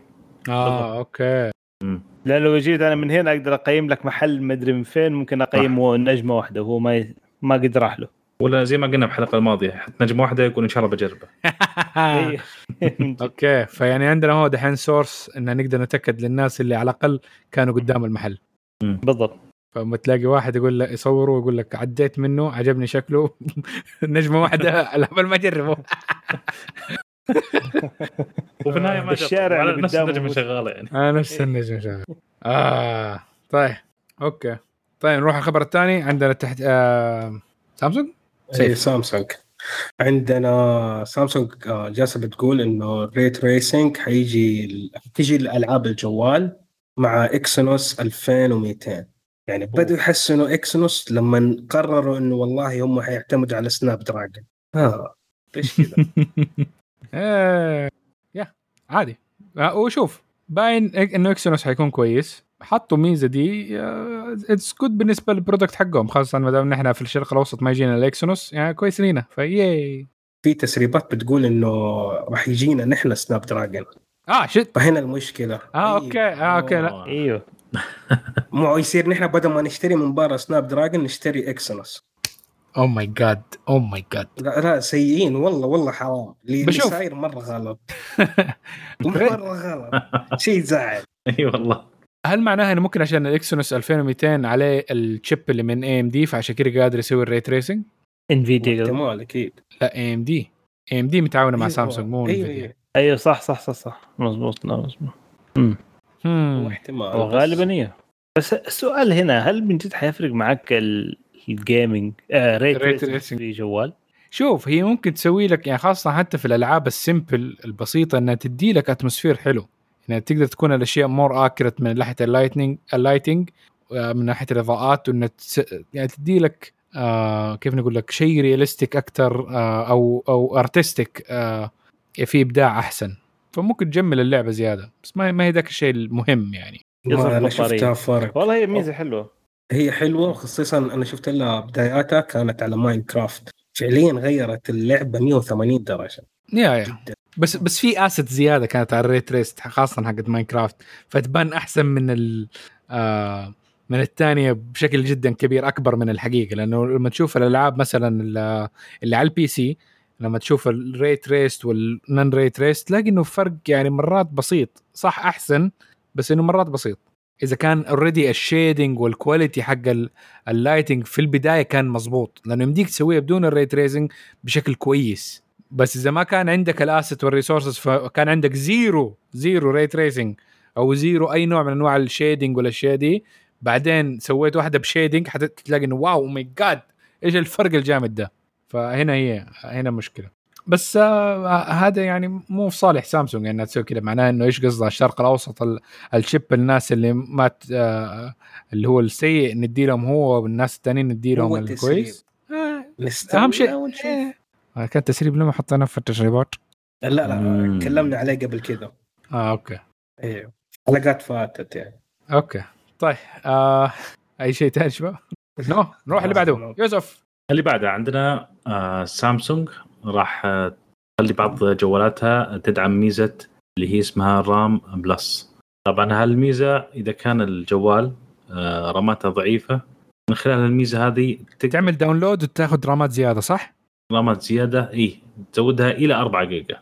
بال download. آه هي هي كيف فكرتها كيف تشتغل؟ عن طريق software إنها تأخذ من آه، ذاكرة التخزين وتخليها في الرام. طبعا هي إلى أر... إلى 4 جيجا كحد أقصى. يعني هذه يمكن مفيدة للجوالات المتوسطة أكثر. يعني نفترض إن الجوال 6 جيجا مثلا آه بعد ما تفعل الميزة هذه يكون عندك الرامات 10 جيجا. فهي كحد أقصى 4 جيجا فقط. بس لازم الناس تعرفوا إنه ال 10 جيجا ال 4 جيجا دي زيادة حتكون جدا جدا أبطأ من الثانية. طبعا. فعادة هيحط فيها البرامج اللي هي side loaded أو إنها already انحطت في ال background مو اللي أنت شغال صحيح. عليها. يس ما راح يكون سرعتها نفس سرعات الرام ال- اللي موجود على الجهاز. هذا طبعا شيء نقطة مهمة. طبعا هذه يمكن تفيد أكثر على الجوالات المتوسطة اللي رامتها ضعيفة. فممكن الميزة هذه تكون آه، مناسبة إن شاء الله. في ميزه إنه جالسين بيدعموها في جوال يعني زي كذا. زي فول جد 3 زي زي إنها ما قلت. أيوه ف... ف... لأنه هي في- فعليا موجهة للجوالات ال... يعني اللي, اللي تعتبر حتى مو متوسطة يعني شوية أقل يعني. أقل شوي. إيه. مم. yeah آه، okay. هي ميزة كويسة يعني بدري عليهم يعني. أنا ش- اتذكر أنا أعرف إنه ميزة موجودة مثلا يعني هذه موجودة في لينكس وفي ال... في, ال... في الأنظمة التشغيل موجودة في الكمبيوترات. مم. اسمها page file page file. أيوه. وتقدر تحط لغاية ممكن double بشكل مماثل للرام اللي عندك. يعني لو الرام اللي عندك مثلا في ال- في الكمبيوتر 8 ولا في اللابتوب 8 تقدر تخليه 8 ثاني page file تقدر بس يحط لك البرامج اللي ما هي شغالة على طول بس على جنب لين بعدين تتسحب من الرام. ترى مستحيل يشتغل عليها by the يعني. yeah yeah. رجع إنه- الرام فكرة إنه الثاني حي... حيرجع للرام بعدين يعمل لها معالجة بعدين يرجعها مرة ثانية إذا. إذا ما هي شغالة. يروح يرجعها في الملف ده. هو البطء في ناحيه إنه اللي بين ما يسحبها بس. yep. في حاجة ميزة ثانية في ال PC زي كذا بس العكس. إنه عادة لما يكون عندك مثلا 32 جيجا 128 جيجا RAM disk الساعة مثلا يمديك تشغل لعبة أو application كامل على الرام مو على. ال storage في... بالعكس فيصير آه، كل شيء أسرع. RAM disk RAM disk. لما يكون في- في 32 جيجا رام في, ال... مم. في الجوال تخلي الجوال يشتغل كله على الرام. oh my God الخيال واسع ما شاء الله. في واحد حيسويها صدقني. بس 32 على جوال؟ أوف. قريبا قريبا. ليش 16 لا لا لا. لا, لا. هو من جد صح 16 بس يعني حتصير هي, هي نحن جالسين إيه، نتخيل. ترى قلناها قبل, قبل في 2008 إيش كان؟ 4 جيجا كتير. ها؟ 4 جيجا كان كتير بعدين صارت 2010 آه، 8 جيجا كتير. دحين صار 16 جيجا قبل كم سنة كتير دحين 16 جيجا minimum في ال PC. اسمعني الحلقة هذه ودي نسمعها بعد كم سنة كذا ونشوف. نشوف كلامك صح حد ولا التاريخ حد التاريخ وإن شاء الله. تاريخ ال- الاثنين الأسود خلاص. الجي يعني واحد يعني 22 يوم 5 ك... ال- يوم 4 okay. إيه. 4 أكتوبر. نشوف بعد كم سنة نجرب نسمعها إن شاء الله ونشوف. 4 أكتوبر حطوه في 2023 الكالندر. 2031 2031 لا لا خلى قبل يلا. قبل شوي. لا والله ممكن في يعني okay، السنة 2030 الجاية ممكن. لا في وقتها 2030 يصير- ممكن ال- ال RAM حق الجوال يصير 32 ممكن. والله صح ممكن. حيصير لا حيصير كمان أكثر. كمان أكثر؟ أوه هنا أيوة. الناس بتزود. okay أنا أقول 32 محمد يقول أكثر من 32 سيف. 128 128 ما شاء أو الله أكثر ممكن. ال RAM يوسف واحد نحن جالسين نمشي على انه إنه فعليا نحن جالسين يعني توقع يعني بس إيه. 128 هو كثير بس ممكن. لا لا. يوسف أنا عن نفسي أنا إذا جاوبت إن شاء الله بصير حكم. أشوف من الكلام الصح وبحكم. شرد يوسف. أوكي وقتها يمكن تركب الجوال عليك. آه في 2030 يا صح فوقتها ما ح...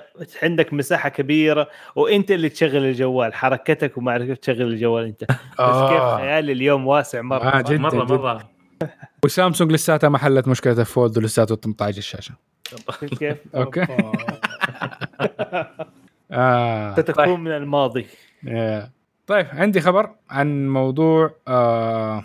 oops ضيعت خبر فنروح للنوكيا T20 مع سيف حلو آه معشوقة الجماهير شركة نوكيا. مين مين أصلا ما يحب شركة نوكيا يعني؟ والله أنا أحبهم صراحة مرة فعليا. الحب القديم الحب الأول. كانوا متطورين بس راحت عليهم. لكن دحين خبرنا حيقول إنه نوكيا طبعا اليوم الخبر يعتبر طازة س- 6 أكتوبر فلسه طازة. آه، أعلنت عن تابلت اسمه T20 يجي بشاشه 10.4 LCD. والمعالج اللي هو Tiger T610 آه، بالنسبة للرامات آه، في خيارين في 4 جيجا وفي 3 جيجا. 4 جيجا حيجي معاه 64 storage والثلاثة جيجا حيجي معاه 32 storage مع إنه هو تقريبا تركيزهم أكثر شيء على الأربع جيجا اللي ب 64 آه طبعا في في مواصفات حلوة يعني. مثلا منها ال blue light في الشاشة. حلو بتنفع للناس اللي بتستخدم الأجهزة مرة كثير. وبالنسبة لأنه تابلت فحيكون حلو كمان إنه لو تديه أطفال ففي kids mode الشاشه 2K فهذه برضو حاجة حلوة على نوكيا وعلى أسعارهم الحلوة كمان. بالنسبة للكاميرات كاميرا خلفية 8 ميجا بكسل والكاميرا الأمامية حتكون 5 ميجا بكسل والبطارية حاجة مرة بطلة 8200 يعني هذه يعتبر power bank ما شاء الله. اثنين في واحد. ما شاء الله. آه بالنسبة للسماعات حيكون حتكون سماعات ستيريو وفي ميكروفونين. حتفي- حيفيد الميكروفونين آه، في مثلا لو عندك مكالمات آه، فيديو مثلا عندك meeting عندك حاجة تفيدك. عندك كمان يدعم 15 واط للشحن بس الشاحن اللي حيكون معاه حيكون 10 واط. بالنسبة للتحديثات فالتحديثات حتكون للنظام سنتين ثلاث سنوات تحديثات أمنية. في البلوتوث 5.0 السعر اللي حيكون حلو نوعا ما يعني مو نوعا ما يعني هو يعتبر مرة حلو حيكون 250 دولار. جميل. جميل. جدا حلو. حلو. طيب هو اعلنوا متى راح يتاح للبيع؟ آه، افتكر إنه قالوا خلاص من, من وقت الإطلاق في pre-order سريع سريع على طول. مرة. ما ما يمزح نوكيا خلاص يلا. أعلن آه، أسبوع قبل أسبوع شو سوينا تشويق للتابلت. اليوم اعلنا يلا بدا ال pre-order اشتروا هاي سعره حلو. جدا. لا سعر زي كويس. صح. سعره جدا مناسب. عشان شايف الشاشة كمان كأنه الألوان اللي فيها كان احتمال إنها تكون كويسة. مع ان كده. هذا ما ما أعتقد حيجي شاشة 2K ما أعتقد حيجي آه، ألوان سيئة يعني فيها. سعر سعر. صراحة جميل جميل. اللهم يعني ال RAM. السعر ال RAM هي المشكلة فعليا لأنه أغلبية التابلت اللي موجودة في السوق أربعة أربعة نادر ما تلاقي ستة. أتوقع بس سامسونج هي اللي فيها ستة. في 6 وفي 12 كمان. أوه nice. أتذكر شفت في سامسونج كان تابلت 12 أعتقد. نسيت اسمه والله. أيوه S7 S8 أكيد في فئه ال S الفئات العالية هذه أيوه ال S. okay okay. okay. طيب. الخبر حقي اللي ضايع لقيته. الحمد لله على السلامة. الله يسلمك. ففي أخبار internal داخلية من ابل على أساس حكاية إنه في زعزعة في الصفوف الأمامية عندهم بخصوص آه، موضوع آه، الصحة وال health وإنه في اختلاف بين المهندسين والناس اللي عندهم خلفية صحية. وصار في تضارب وناس مشيت وناس آه، رمت الكرسي من الشباك وصار في مشاكل. فالهرجه اللي صايرة إنه يقولوا إنه ال leadership team أو القيادة ما هي عارفة إيش الشيء اللي تبي توصل له وإنه بيفضلوا آراء المهندسين عن الأطباء وإنه في كلام فاضي بيصير وممكن هذه هي أحد أسباب ال- الساعة الجديدة. انها ما نزلت بكامل المواصفات حقتها فكلام من ده بس ما في أي details في الخبر ده. فنشوف آه، إيش اللي حيصير. خاصة مع الساعة الجديدة وايش الموضوع اللي بيصير معاها.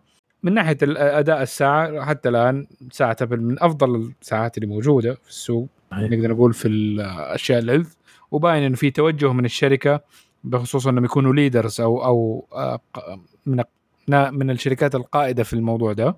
ف حيبين إنه هل هذه كانت آه، ناس زعلانة آه، ان- انطردت من الشركة ولا مشيوا من الشركة وبيعبروا عن آرائهم بطريقة شوية شنيعة ولا حقيقة مرة. ف ويل سي فعشان نصفي النية هل عندنا فقرة هل تعلم؟ مع الطالب مع السلطان. فهل تعلم أن Steve Job كان ناوي يخلي آه، Mac OS عند آه، Dell؟ أو my God بس في. details ما تعرفها. أيوه. أسوي لك click bait زي حقون يوتيوب. فال detail هي إنه آه، فاكرين Steve Job كان في Apple بعدين مشي من Apple راح حاجة اسمها NeXT صح. بعدين NeXT اشترتها Apple ففي الفترة اللي كان فيها في NeXT كان بيحاول إنه يبيع NeXT operating system ل Dell انه تحطه في كمبيوتراته. ردوه قالوا أنقلع. أنقلع. صار هو دحين في Apple اشترت Apple NeXT صار في Apple ف already NeXT مسوين عندهم في كمبيوترات آه مسوين كانوا already إنه لأنه Mac OS وقتها كان يشتغل على أجهزة Apple بس ما كان على ال x86 كان على processor ات مختلفة نسيت إيش اسمها. لو كان بدر فيه. كان حيعرف إيش هي. المهم. Itanium مم، لا ما أظن كانت حقت Intel لسه. كانت PowerPC أو شيء زي كذا. دقيقة من قديش نتكلم إحنا؟ زمان قد إيه؟ ن- 97 okay لا قبل Itanium إيه. yeah صح صح ما, ما كان في غير كانوا محدودين. Intel AMD وفي كان في ثلاث. شركات ثانية غيرهم. إيه. أظن حاجة زي. كذا. إيوه. المهم فلما رجع فطوروا نظام تشغيل Mac OS يشتغل على x86 okay بس ما هو ال full Mac OS فكانوا ناويين يبيعوه على Dell برضو. ف Dell قالوا لهم okay ما أبغى إنكم تبيعوني اللي هو زي Windows إكس حق ARM processor ادوني ال full Mac OS فديك الساعة خاف Steve Jobs وقال لا لا يمكن ما ينفع. نديكم ال full ال full. option ها؟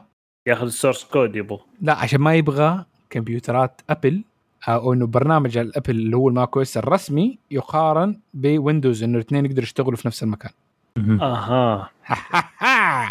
عشان عشان ما يصير في Apple مع Apple comparison لا apple مع oranges yes عشان كذا دحين ما يقدينا نقا- نقارن Mac OS ب Windows لأنه الاثنين شغالين على processor ات مختلفة دولاك على ال M1 Mac ونحن شغالين على AMD و Intel. ف yeah قال لك هل تعلم فمع يوسف تفضل انستغرام. عندنا ال Instagram. Instagram عندهم آه، ميزة حاطينها من قبل اللي هي IGTV طبعا هم حاطينها علشان ينافسون اليوتيوب بس ما نجحت الميزة هذه. فقرروا يسوون ميزة جديدة. اسمها Instagram Video آه، فيديوهات ال IGTV هذه راح تكون موجودة في ال Instagram Video كذلك الفيديوهات اللي موجودة في ال- في ال post نفسه راح تشتغل مع الميزة هذه. إيش راح يسوون؟ راح يخلون طبعا هو الفيديو اللي ينشر في ال post العادي من 60 ثانية ما يتعداها. الآن راح يخلونها إلى 60 دقيقة. تمام؟ آه وتقدر تشوفها في نفس في ال timeline حقك ممكن تشوفها على طول ما عندك أي إشكال. مجرد ما تضغط عليه بيتحول إلى عرضي عشان تشوفها بشكل كامل. وممكن لو حركت بعد تشوف فيديوهات مشابهة ومن هالقبيل وتضغط زر رجوع وترجع لوضعك الطبيعي وتكمل ال- ال- ال timeline حق ال timeline حقك وتشوف ال- ال post ات. فالفكرة IGTV ما نجحت معهم ابدا فقالوا قالوا بنقفلها خلاص. وراح نسوي ميزة جديدة Instagram Video راح تجمع الفيديوهات هذه في في ال timeline نفسه وخلاص. كذا تكون أمورك آه، يعني سلسه وتنجح معك. فما أدري هل في أحد استخدم IGTV أنا للامانه أستخدم انستغرام بكثرة ما استخدمته ابدا نهائيا. إلا ما ندر لا بالنسبة لي لا. مو شايف إنه هو هو platform يعني حلو الواحد يتفرج عليه لأنه فعليا يوتيوب ليه سمعته فخلاص direct على طول الواحد يروح لليوتيوب. وفعلا هو الميزة يعني أنا مستخدم بكثرة انستغرام ما أتوقع إني احتجت أستخدمها إلا فيديو فيديوهين بس كانت مهمة. اضطريت إني أشوفها في وقت معين وعقبها خلاص. فما هي بميزة إني أروح أدخل عشان أشوف فيها محتوى. فين هو مكان ال IGTV؟ كان فيها زر موجود أعتقد في نفس ال- الإنستغرام في الواجهة إنه تضغط على وفي له تطبيق أيضا بعد تطبيق منفصل. إذا أنت بس تبي تشوف فيديوهات IGTV حطوا له تطبيق منفصل. آه إذا له تطبيق منفصل مع نفسه. إي لا لا حطوا له تطبيق منفصل إي. بس كل هذا ولا نجحت الميزة ابدا. فهم بيحطون Instagram Video ويقدر واحد يرفع من 60 ثانية لا خلاص تقدر 60 ثانية تقدر توصل إلى 60 دقيقة. مم. فتشوف يعني يحسنون وضعهم لأن IGTV ما نجح ابدا حسب الأهداف اللي هم حاطينها. okay. مه. okay. خبر بعده. عندنا Oppo. سيف. Oppo. آه طبعا أعلنت عن سياسة جديدة لتحديثاتها. السياسة يعني okay حلوة بس فيها ظلم شوي بس هذا شيء عادي مسموح فيه. فسلسلة Oppo Find X حتكون حتكون تحديثاتها ثلاث سنوات للنظام وأربع سنوات تحديثات أمنية. هذه حاجة حلوة. ناس وسلسلة Reno F حتكون سنتين نظام أربعة أمنية. وسلسلة ال A مو كلها معظمهم حيكون تحديث واحد. للنظام وثلاث سنوات أمنية. هذا هذا حلو. يعني في النهاية okay صح إنه حتكون نسخة النظام عندك شوية قديمة بس اقلها ثلاث سنوات تحديثات أمنية شيء حلو. وكذا خلص الخبر سريع. حس تكلمنا عن الموضوع ده ثاني. ما أدري. لا ما أعتقد. okay no it's okay بعدين نتكلم عليه مرة ثانية. ما في مشكلة. هو خبر كويس في النهاية. زي ما قلنا التحديثات شوف، الأمنية أنت ممكن ربطتها بحاجة نحن قلناها قبل كذا اللي هو لو لو الشركات بتسوي مثلا آه، ميزات زي كذا إنه تحديثات أمنية ولا تحديثات للنظام بحيث إنه تجذب الناس ليها. اي صح. تعلي السنوات زي كذا. فعشان كذا ممكن ربطت معك. أو ألمانيا والقانون حقها. وأظن في جوال ثاني أوبو أيوة. أوبو تبع مين أصلا؟ حكومه الصينية. لا لا. هذا الأساس. لا لا أساس أقصد لا لا شوف. لا لا هو قصة الإنجليزي انزل تحت شوي. انزل تحت شوي. أوكي. انت رحت الهرم الأكبر على طول. لا لا أقصد في, في شركة ثانية مع اوبو في نفس نفس ال هي ال- One. Plus OnePlus كمان أتوقع. في ريلمي بعد. إيوه. اذا واحد منهم كان مسوي. جوالات ومسوي نفس الميزة دي. إن حكاية السنين إنها ثلاثة أربعة أو تل- ثلاثة ثلاثة شيء زي كذا. okay. فاكر الحاجة هذه. بس فعليا يعني كلهم نفس ال... نفس السيناريو بيمشوا عليه. yeah yeah مظبوط. okay. وكذا انتهت الأخبار حقتنا. أحد عنده تعليق؟ thank you very much نروح الآن إلى التسريبات. والتسريب معنا من مع سيف برضو. آه طيب. تسريباتنا عندنا تسريب واحد. يعني الأسبوع هذا كان خفيف كذا لطيف بحيث إنه في تسريب واحد من انتل معالجات الالدر ليك اللي هو حتكون حيكون الجيل 12 أيوه. إعلانها حيكون يوم 28 أكتوبر يعني الشهر هذا. التسريب والطلب ال- المسبق حيكون برضه في نفس اليوم لكن البيع الرسمي ليه حيكون 4 نوفمبر. okay. طيب آه، ما أنا أنا أحس إنه الجيل 11 ما أخذ فترته لا هو أي شيء من أنت أخذ فترته؟ كلها صارت أقل من 8 شهور 9 إيه، شهور ونزل اللي. بعده. عشان بتحاول تلحق لناس معينة. داعس عليهم. في النهاية أنا معك. AMD مو مو داعس عليهم.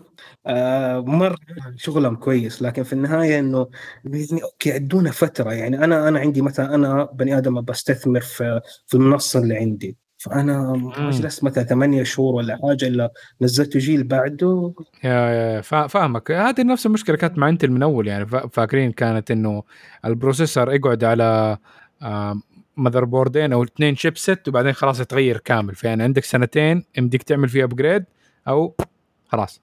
راحت عليك. راحت عليك.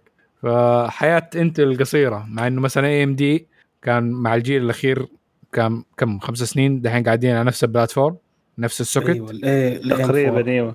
تقريبا إيه. فهذا هذا الفرق. آه فهذا الاستثمار الصحيح. هو حي... ح... في في theoretical limit قريب حيوصلوا له خاصة في processors فإذا وصلوا له ديك الساعة حيصير لازم تكنولوجيا شوية مختلفة عشان تبدأ تصير الأشياء كمان تفرق زيادة.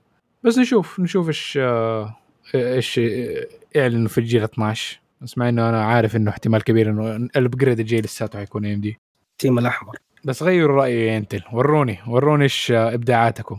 آه، في أمل؟ ممكن. أنا open أنا open minded. okay. شوف زمان زمان كان نفس الفيلم فاكر؟ كان قبل ما انت تكون قوية مين كان اللي م- اللي مكسر السوق؟ AMD. مرة لا وقت ما كانت AMD. و Intel يعني إلى حد كانوا ما equal footsteps هم هو ال x ال 64 bit هم اللي سووا إيوه بس بس برضه لا تنسى وقتها كانت Intel لساتها هي اللي مسيطره وعشان كذا قدروا يشتروه من AMD. لو كانت AMD مسيطرة كان ما باعوه. شايف هي AMD عملت ال recovery لغاية آه، سنة 2008 7 حاجة زي كذا إيه. أيوه عملوا recovery وصاروا on par من ناحية ال ال ال ال سرعة الأداء. ال core والأداء والأشياء دي كان مم. وقتها الدوب وكان ال Core 2 ديو نازل وكان مخيس و AMD برضه طلعت بأربع cores ودولاك لساتهم على 2 cores. بعدين آه، آه، في فترة مو مو في CPU كان في أربع core ات من Intel قبل i7 قبل i7 أيوه ال quad core بس ما Core 2 Duo Duo ما أدري عارف إيش كان اسمه. دي لا ك- Core Quad Core 2 Quad فهذا آخر واحد قبل i7 كذا شكله. وفي ذيك الفترة ال i7 نزل في تحسينات كثيره وكان في فرق بين أداء بين اثنين. بس Intel سوت حركات آه، مش ولا بد. من ناحية حكاية إنها حاربت AMD مو على الأداء. بس من ناحية ال suppliers وحشرت AMD من ناحية إنها أدت آه، عروض جدا آه، ما هي تنافسية إنها أنت بتقتلوا المنافسه بيها بالعروض دي للمزودين من حكاية إنه ما ما يدعموا حكاية إنهم يشيلوا AMD إنه إذا أنت حتشيل زي حقت بيبسي وكوكا كولا بالفلوس اللي عندهم قدروا إنهم يخلوا مثلا إذا أنت حتبيع Intel ما تبيع إلا Intel ما تحط AMD بالغصب كده ولا ما حندي لك فالناس راحوا مع Intel وسحبوا ال AMD.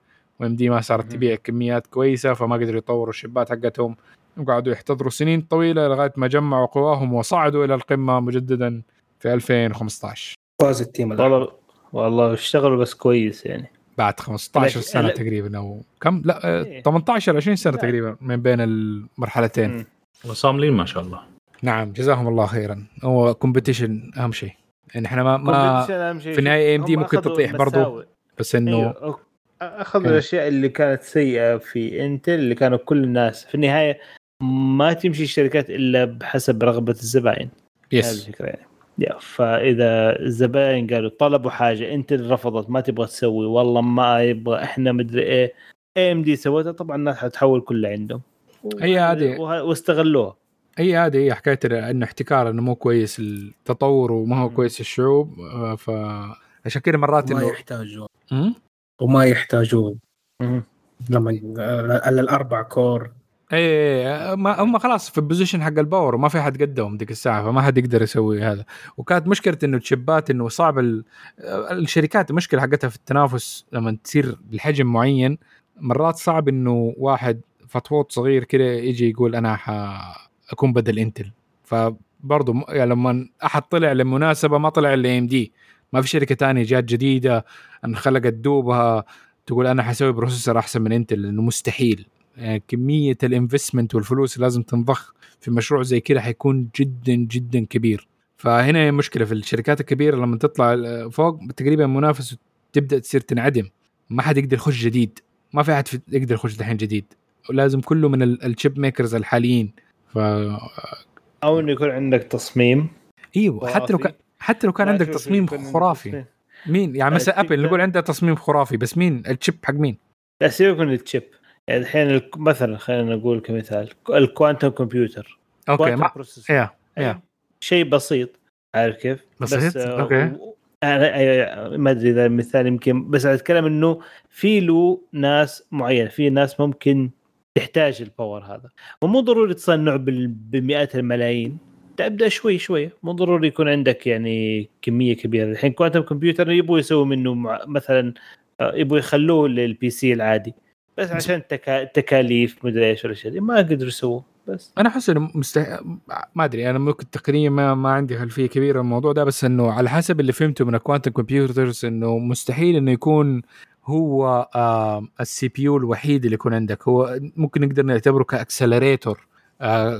كال style اللي إن- انحط على ال chip ما هو ال style الثاني. آه لأنه في ستايلين من ال quantum computers ذاك. اللي يحتاج تبريد ونواتين ذرتين يحطهم مع بعض ويشوف ال quantum entanglement بينهم. لا هذا صعب إنه لسه حيجي قريب لا لا لا, لا هذا صعب. بس ال style الثاني اللي هو آه اعمل ال processing على اللي هي least power efficiency أو إنه most power efficiency إنه حكايه إنه اللي هي كأنه بطريقة يسوي ال task بأقل power فهذا هو الحل الأمثل. إنه هذا ك accelerator ل tasks معينة في البرامج ينفع بس في النهاية ال processor العادي تحتاجه لل normal tasks حقت آه، الوظائف العادية اللي هي تطلب منك كمبيوتر. ما تحتاج. quantum computer عشان تجمع واحد زائد واحد يساوي اثنين. فاهم؟ أوه ترى العملية صعبة. انك تسويه بال quantum حتكون يعني مشوار إنك تسويه. بتكون أسرع. آه. debatable okay. طيب آه بس هي هذه الفكرة يعني هذا القصد يعني انه برضو ما يمنع إنه لو في أحد عنده فكرة مم. ما- ليش لا برضو؟ بس مين supported ومين هذا؟ مين حيسوي processor زي كذا؟ مثلا أنت سويت processor دحين okay. مين حيدعمك في حكايه إنك تصمم وتعمل عليه testing بس هذه تعرف كم مليون تحتاج؟ حطه في Kickstarter وخلاص يا أخي. Kickstarter كم مليون حتجمع؟ شوية. Kickstarter حق الناس المساكين اللي ما عندهم آه، تأمين صحي في أمريكا هذا هو ولا دكا- طيب ولا شو اسمه هذا. هذا خلاص عرفت ال market حقك دحين نبغاك تسوق لهم دحين آه. اعطي كل واحد اللي يدفع لي 50 دولار أعطي له معالج آه، نواتين اللي يدفع لي 100 أعطي له أربع نواه ومين حيسوي لك motherboard؟ يا أخي أنت بتحشرني خلاص. okay طيب آه كده خلصنا ال- التسريبات. هل في تطبيق هو كان المفروض الأسبوع ده؟ بس يوسف اقترح ان نستنى بدر يفضل انه يكون بدر معانا فحنخليه الأسبوع الجاي. فقرة المؤتمرات عندنا في مؤتمر لسامسونج بتاريخ 12 أكتوبر ونتوقع إنه حيكون في ال Galaxy في 3 ال Galaxy S 21 FE ممكن إذا قرروا يسووه أو ما يسووه على حسب الإشاعات اللي فاتت. و Galaxy Tab A 8 في برضو عندنا مؤتمر جوجل آه، 12 أكتوبر آه هذا المنتظر أكثر شيء نحب نستناه وحيكون إن شاء الله حلقتنا في نفس الوقت حقه فحنتكلم عنه في الحلقة الجاية. آه هواوي حتى آه موعد المؤتمر المطورين حقه حيكون في 22 أكتوبر ف الله يوفقهم آه مؤتمر سامسونج للمطورين حيكون في 26 أكتوبر هذا ممكن في شيء ينفعنا. يا يا آه، على فكرة في حاجة عشان ف- فاك... فاكرين يوم نتكلم قلت لهم موضوع التابلت فيل و 8 جيجا ولا 12 جيجا؟ أيوه. أيوه. ال... أعلى واحد من سامسونج اللي شفته الآن جالس ادور 12 آه 8 جيجا بس. Apple بس. اللي عنده ست... Apple اللي عنده 16 جيجا. ال iPad Pro Pro يب مم. بس. تصحيح يعني. طيب يعني ال- ال next jump من 16 أنت بتعرف عادة إيش بعد ال 16 128 ويخرب بيت شيطانك. طيب. خرب عليك يا أخي. okay okay. طيب. آه أنا في أطمح الاعلى دائما فعشان okay حنشوف محفظتك وقتها لما تطمح لأعلى. طيب أي إضافات يا شباب؟ يعطيك آه، العافيه كذا يصير خلصنا صح؟ طيب. يا. إن شاء الله يا رب. طيب عندي يعطيكم عندي. كلمة واحدة بس. تفضل. آه بكرة مباراة المنتخب السعودي مع اليابان. okay. أتمنى التوفيق للمنتخب السعودي مع إنه أنا ما لي في الكورة. أنا والله لي في الكورة بقوه صراحة. وأنا أقول 日本 万歳. ما ما عندك وطنية. لا لا لازم تعرف ما ينفع حكاية كلنا نشجع لازم يكون في أحد يشجع الفريق الثاني. أنا أحب أشجع فرق اللي ممكن تنهزم. شايف كيف؟ طيب شايف كيف؟ نحن طيب. شو سمعت إيش قلت؟ أنا أشجع الفرق اللي أحس إنها حتنهزم. آه أجل الله يوفقك روح مع اليابان. ما بالضبط نبيك. آه، okay فنشكر لكم استماعكم لنا ونتمنى انكم تساعدونا على انتشار بأنكم تقيمونا على iTunes وتزوروا موقعنا وتشاركونا بآرائكم على مواضيع الحلقة ردودكم أكيد تهمنا ونتمنى أنكم تتابعونا في ال social media Twitter Instagram Snapchat. و subscribe في اليوتيوب ونشوفكم إن شاء الله على ألف ألف مع السلامة.